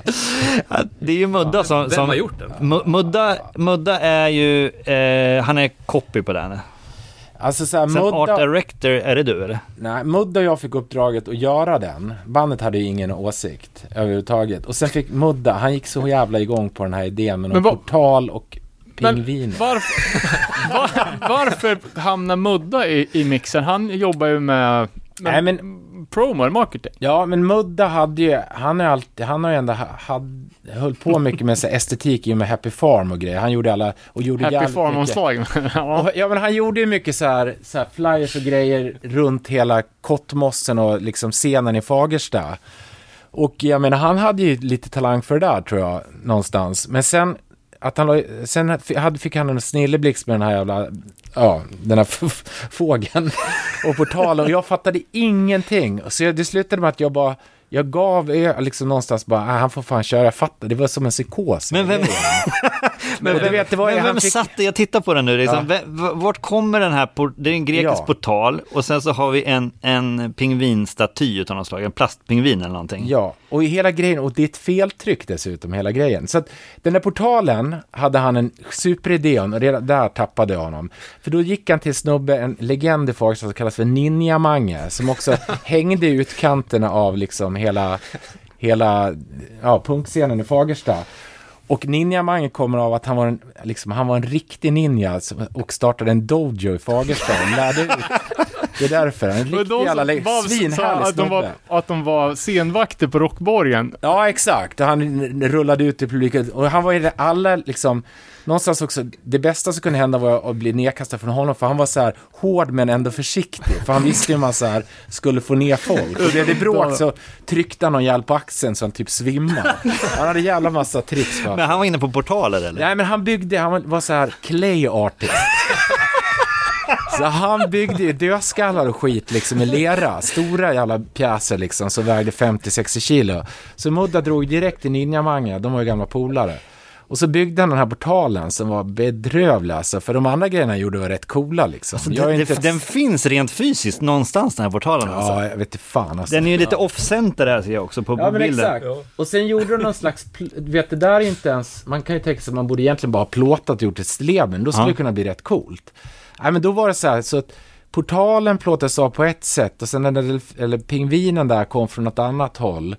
Och sen har jag för mig att det skulle vara någon bakgrund där, men det blev bara, ett, det blev bara blå. blått. Så blue screen blått, vilket är det sämsta man kan... Bilden är extremt fult beskuren, förstår du vad jag menar? Ja, den Den är är... sned. Ja, Den är, sned och den är lite mer till vänster. Ja, den är fruktansvärd. Men, alltså. men, Men men, men, men vem monterar de här grejerna då? Ja, men det var ett tryckeri, har jag för mig, i... Ja, men det var det de, Köping-tryckeriet, det var de som slarvade bort Tiny Tunes-omslaget, såklart. de drog till en snubbe som... Det fanns en kille i Farsta som hade en dator med, du vet, som kunde typ så här, de kunde göra the magic. Aha. Så, så här, Bjarnes Puttet, han var så här 200 kilo snubbe som satt på en moppe fram till han var typ 50 år gammal. Nej, men du vet så här. Och Mudda drog till honom och han, du vet, byggde ihop det här på något sätt innan det gick iväg till trycket. Nej, det var, det var en jävla härva. Jo, men han är, det, ut Out of. Bounds står ju faktiskt, det är ju liksom nästan 3D. Ja. Jag kommer, vi fr- frågade Ingo om, om det var att No Fun skulle försöka liksom fixa ett eget eh, Djur. maskotdjur. ja. Men jag kommer inte ihåg fan, vi, vad, vad vi sa om det. Om Nej det men jag får mig, jag lyssnar på den, Eller om det bara var Ran, avsnittet. ja. Han, sköt, han skyller på Mudda också och det är fan med all rätt. Det är Muddas. Jag pratar med... Fast sen är det så här, det är coolt för det är det omslaget alla snackar Ja, ja. om. Alltså det är så här, det är legendariskt det där omslaget. M- Mudda, Mudda är glad i det här omslaget, vi träffas ofta. Jag tycker också. Eh, Jag tycker, det här ska Mudda ha mycket cred det för. tycker jag också. För, för det, det är ju, ja, det är ju, det är ju, det är ikoniskt nästan. Ja, ikoniskt. Det är så märkligt så att det blir briljant liksom. Men sen har vi ett, ett annat omslag som jag funderar lite på. Eh, och det är ju Freedom Fighters eh, med Liberator. Ja. Och då är det ju, eh, de som inte har den friskt i minnet, det är ju typ en grön bakgrund med, det ser ut som ett typ en, alltså en matrospojke från en gammal barnbok, ser det ut. Ja, just det. Eh, skitfult omslag, Ja. men däremot är det ett jävligt coolt bakside, baksidefoto. Med typ, det ser ut som en vägg i Belfast där det står Freedom Fighters sprayat. Som går mycket mer i linje med som ska skinhead-estetiken. Ja. Hur, hur, Så jävla fult är det fan inte. Ja, men det är Jävla märkligt, diplomat. Alltså.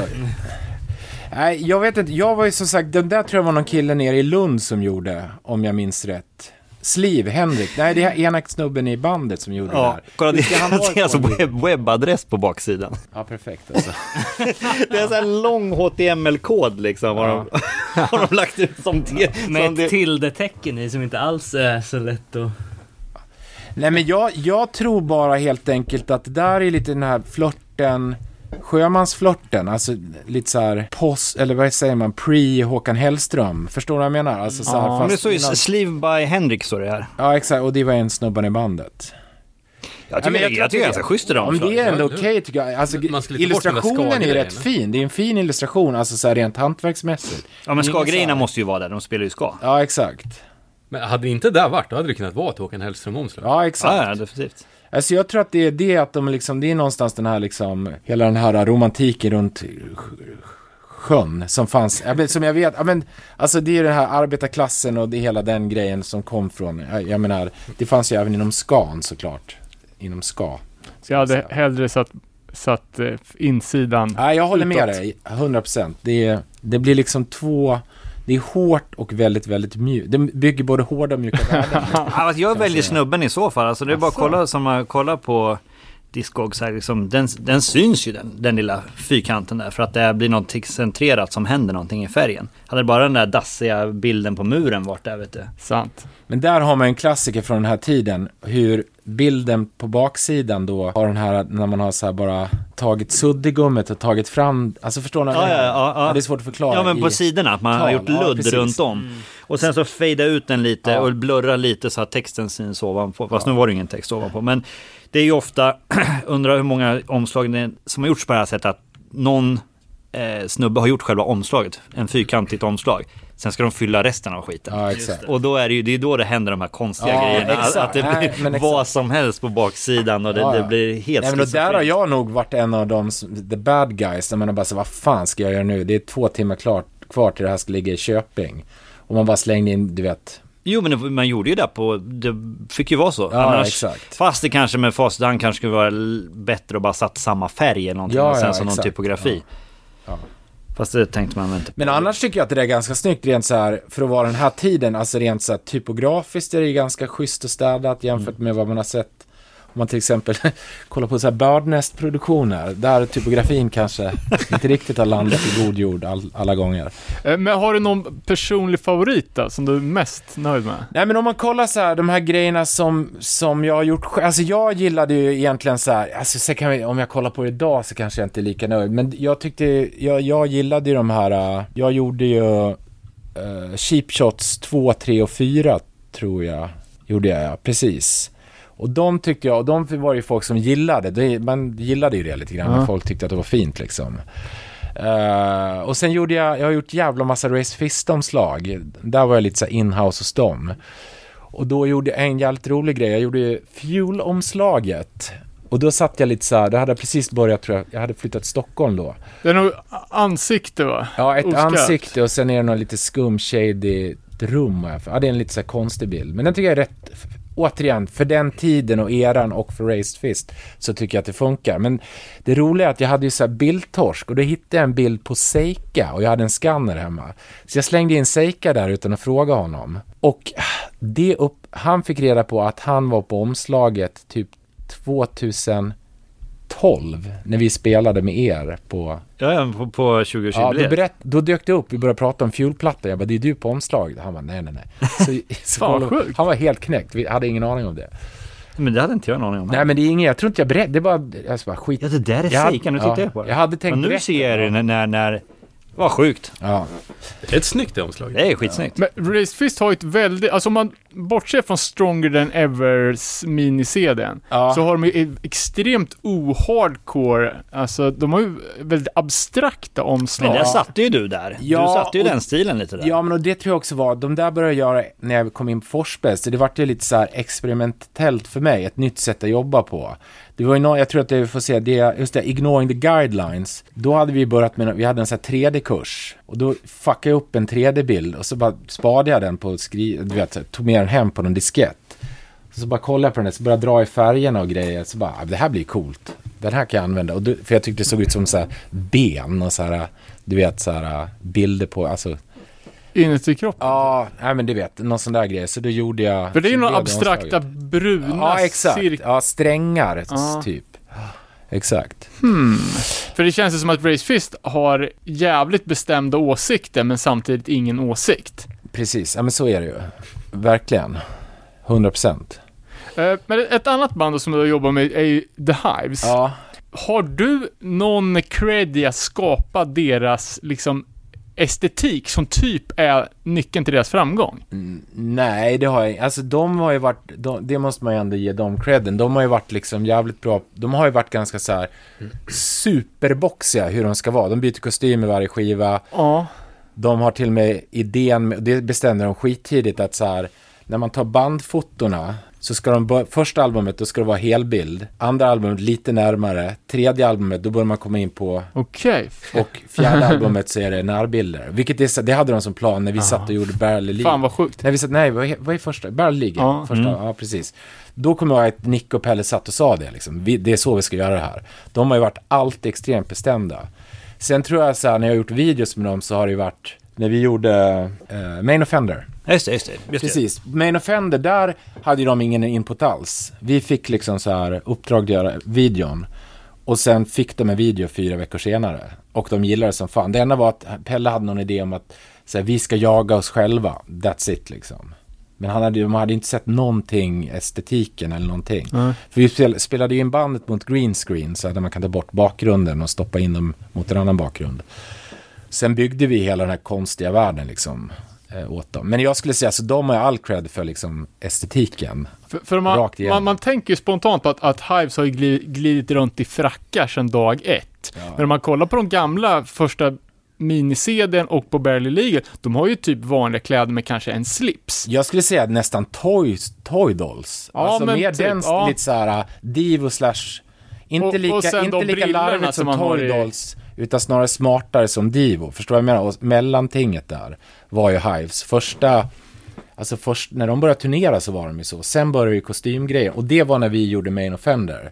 Då började de... Jag Men, säger men det är ju det. Ja, vid ja, men exakt. i plattan. Du, du är ju där. Vad Det sa du? Vid i, vad heter den? Vi- Vini... Vene Vidi Vicious. Ja, det var Ja. där allt kostymbiten började var det väl? Ja, fast den började innan. På, redan på Barley Legal, när vi gjorde Main Offender, då så började de. Då skulle de ha massa kravatter och grejer som vi... Ja, Main Offender är inte med på den. Jo, det är den. Nej, är det jag Den är ju är med på vi, vid är det väl va? Det är det väl? Det, det var, ju, var inte den där de breakade med och då var det väl den? Jo, det är den. På Vene Vidi Vicious? Ja. Okej, ja, men då är det där. Okej, sorry. Ja. För då börjar de med liksom glida in i den här enhetliga... Men den var också med på någon cheap shots-platta också. Ja, exakt. Ja, precis. Ja, precis. Just det. Ja. Fan, det är rörigt det där med. Ja, alla.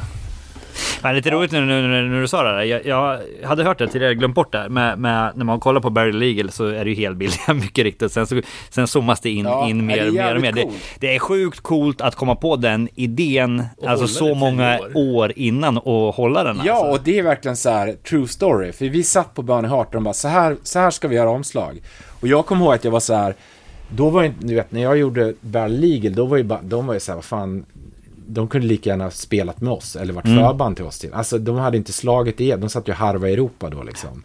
Så att jag var så här, fan vilka jävla jobbiga brorsor liksom, som sitter så här. Men sen massa idéer också. Pelle skriver väl låtar. Han har ju någon, för man berätta någonting med, med att eh, också att, att skriva texter utifrån. Han har vissa regler att han skriver inte om någonting utan det, nu kommer jag inte ihåg Ja, vilket sätt han gör, men, men han håller vissa, massa regler på. Ja, ja, de har ju så sjukt mycket sådana där grejer liksom. Men det, det känns ju så jävla enhetligt därför. För att jag tror att de har satt upp ett så här tydligt ramverk hur de ska jobba. Och Mm. förhåller sig till det liksom. Det är imponerande. Ja, det är grymt. Fick du svara på frågan favoritomslag? Eh, nej, ja, nej men alltså generellt bara på Burning Heart så vet alltså, nej men jag tycker det är skitsvårt alltså. Nu har jag liksom, jag satt faktiskt och kollade lite grann på det här häromdagen. Jag, jag tycker det är svårt att liksom bara, för, för det blir också, man har ju så här, det blir nästan, i och med att man har varit så involverad i Burning Heart från ruta ett så blir det lite så här känslomässigt kopplat också. En del skivomslag kan jag få ångest av för det var en dålig period Ja, för mig för eller att jag inte gillade bandet eller att någon var dum i huvudet. Alltså så simpelt kan det vara liksom. Så att, jag, tycker det är skitsvårt att liksom, att plocka ut något som, jag, ja, men jag, jag kan gilla till exempel Sam I Am, återigen hans Sergey som har gjort.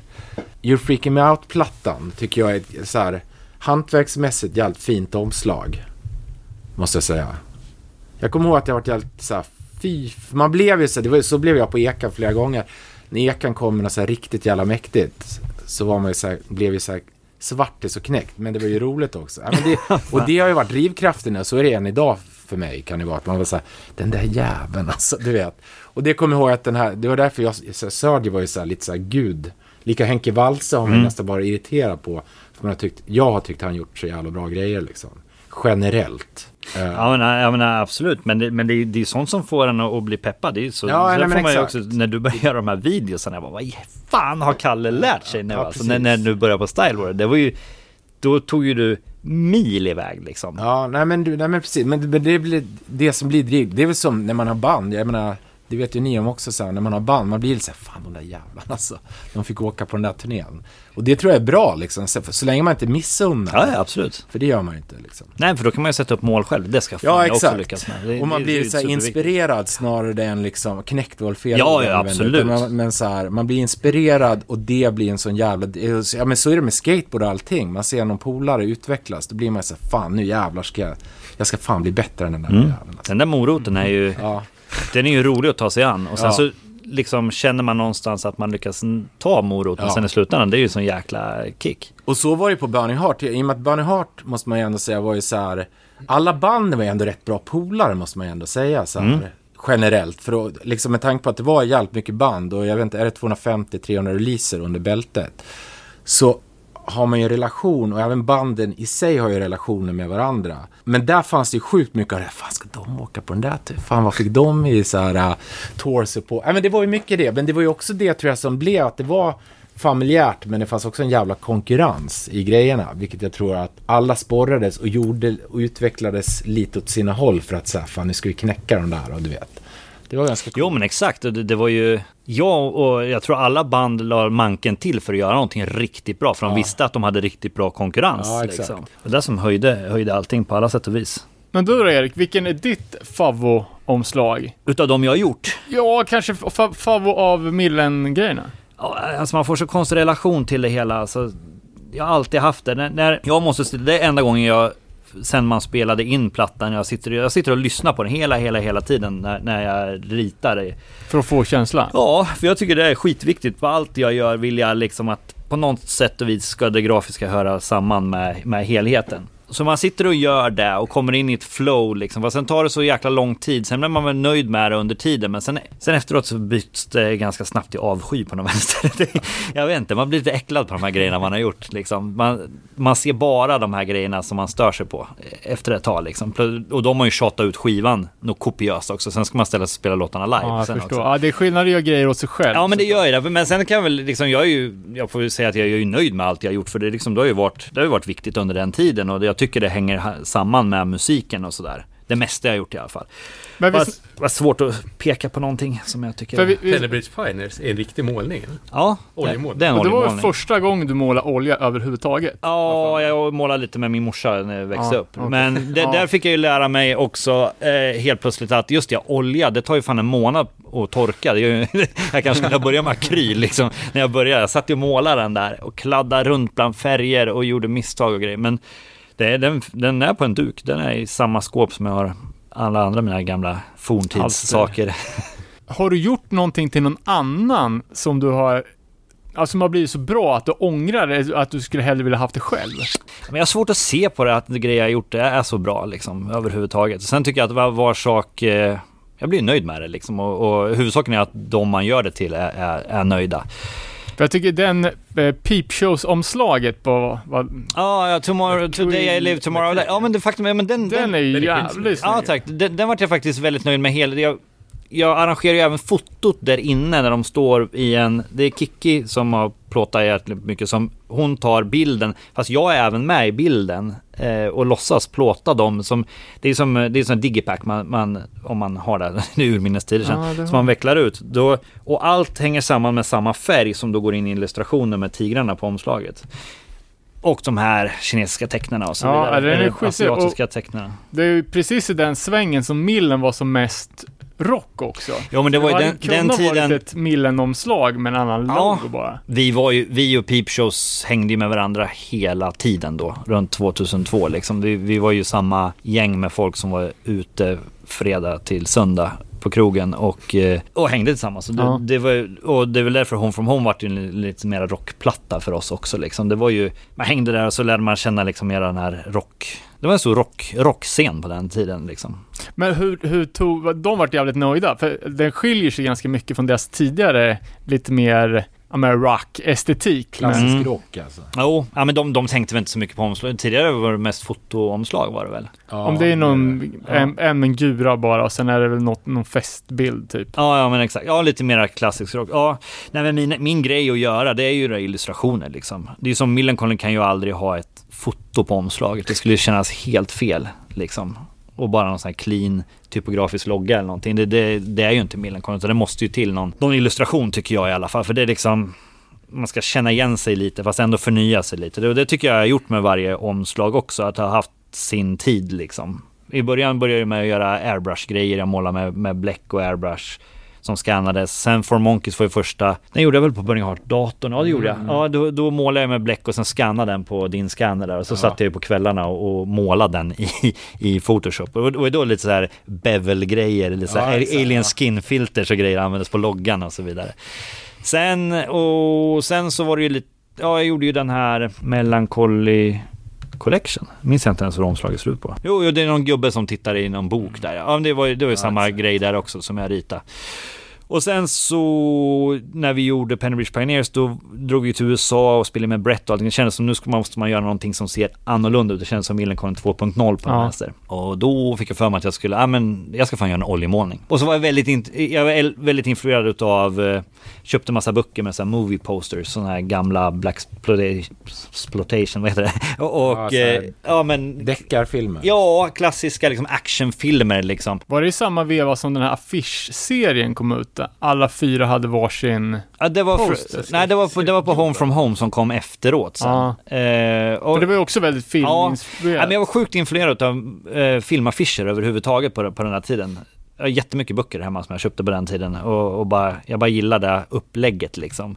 Att det händer någonting i, i centrerat i bilden, gärna lite explosioner och grejer och sen så en tydlig text. Det finns väldigt mycket snygga sådana filmposters och, grejer. Så var det liksom lite där jag, jag ville få ihop. Och, och det är ju liksom lite retro med hur jag satte Millencolin och Pennybridge Pioneers, den texten också med någon sån här stencil typsnitt som kändes som någonting äldre och lite raster och grejer. Och sen så vidare till eh, Home from Home, lite mera, var ju också i och för sig bläckritat och, och fast ännu mera lite data. Sen så kommer det till eh, från Kingwood, då började jag liksom rita med Wacom-penna liksom, och rita allting i Illustrator i, i banor direkt. Liksom All right i, i vektorer då. Och det är väl det jag har fortsatt med. Sen, ja men True Brew är jag ganska nöjd med omslaget, den, den björnen där. Det jag fick Ja, klint. Och sen den här nya SOS, det är ju ganska, det är ju en väldigt detaljerad historia med massa små, små illustrationer här och där.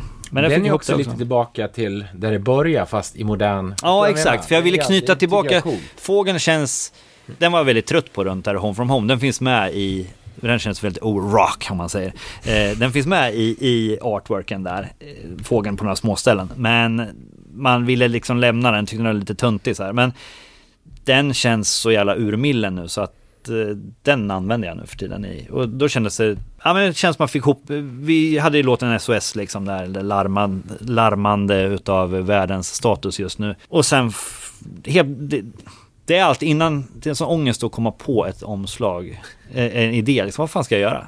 Om en månad så måste jag ha ett omslag klart liksom. Och, det, allt, och nu var det supertight för Epitaph hade gett oss fel datum på deadline. Så helt plötsligt ringer Lana och bara, du måste lämna in allting då, då, då. Jag bara, "Ah, fan.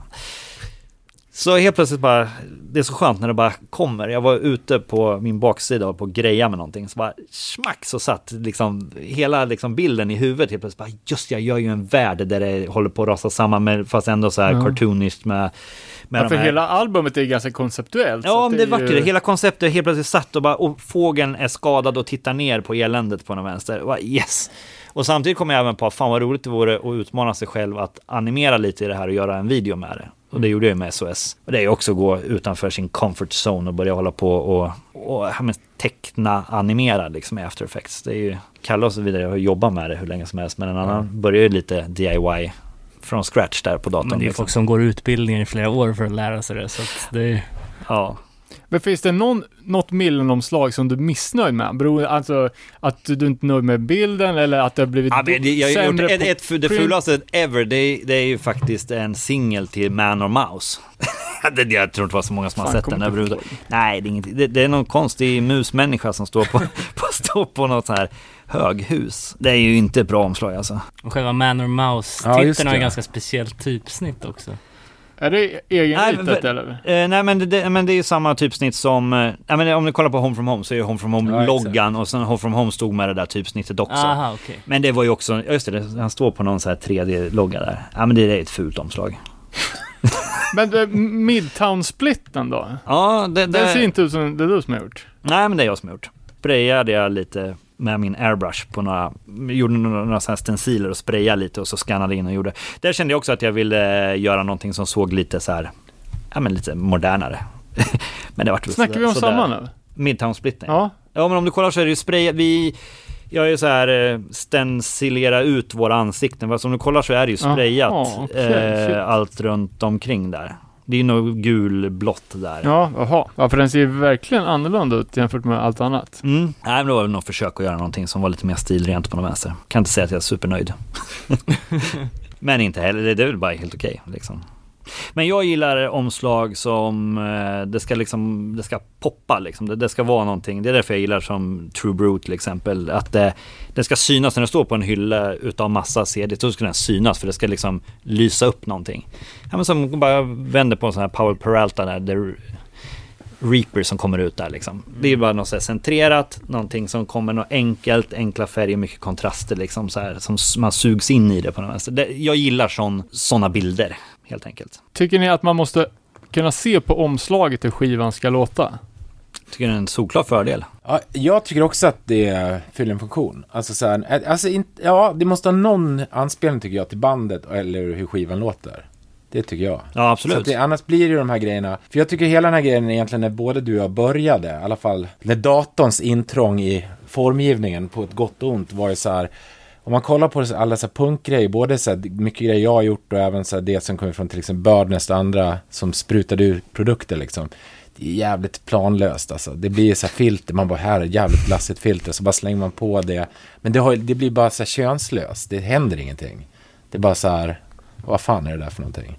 Så jag tycker verkligen att det, det måste ha någon, liksom någon förankring tycker jag, i antingen bandet eller Ja, liksom hur skivan låter eller liksom om det finns ett koncept rent så här låtmässigt vad skivan handlar om, tycker jag. Absolut, jag tycker de absolut bästa är ju när, när man när man får ett koncept kring någonting och kan bygga allting runt omkring på det också. Liksom, Exakt. det är ju underbart att få ihop det. Konceptet är bra.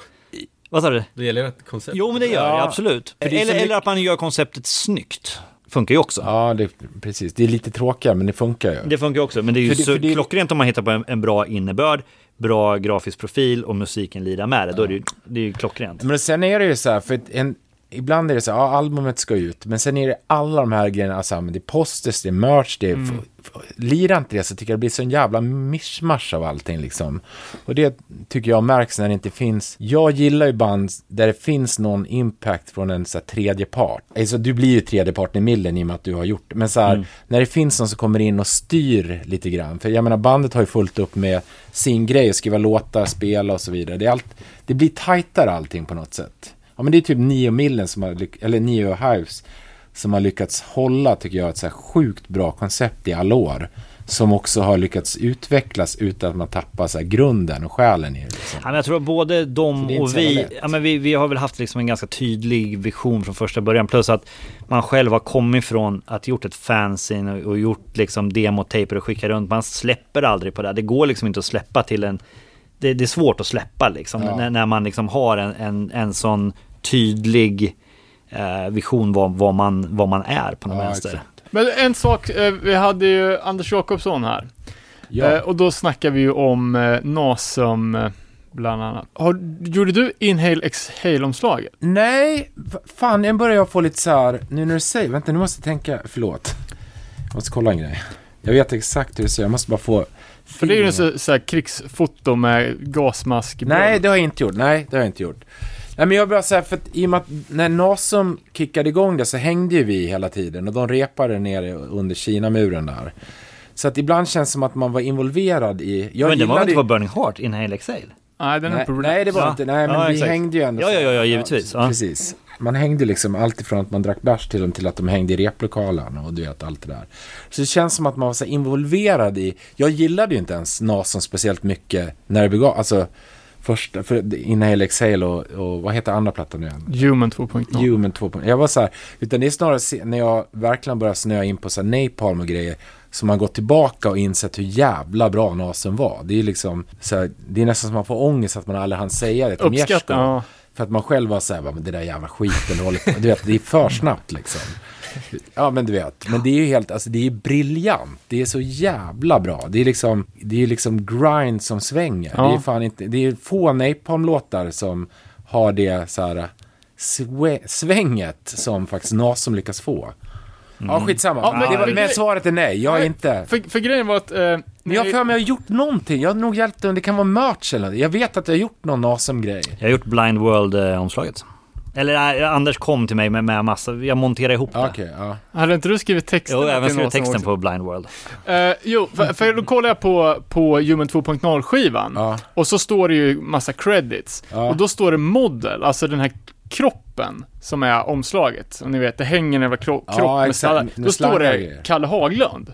Ja, ja men, men det är ju en Ja, annan det är Kalle. Haglund. Du, den där jävla mix-upen, alltså herregud. Det finns ju en, en poet finns det ju som heter Kalle Haglund. Exakt, det där har återkommit ganska många gånger. Så här, det var helt sjukt, för att när jag, när jag var, jag var ju Grammis för den här, äh, för Main Offender-videon. Och då, då var det så här, ja, men då ringde de så här från Aftonbladet, det var ju lite större, Grammis hade ju mer så här, cred på den tiden. Och eh, på något sätt liksom.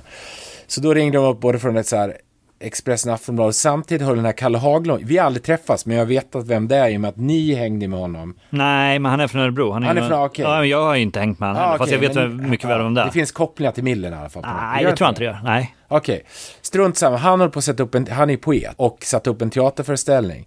Så det roliga var att så här, varann, för du ringde från olika så press och skit då under en veckas tid. Ja.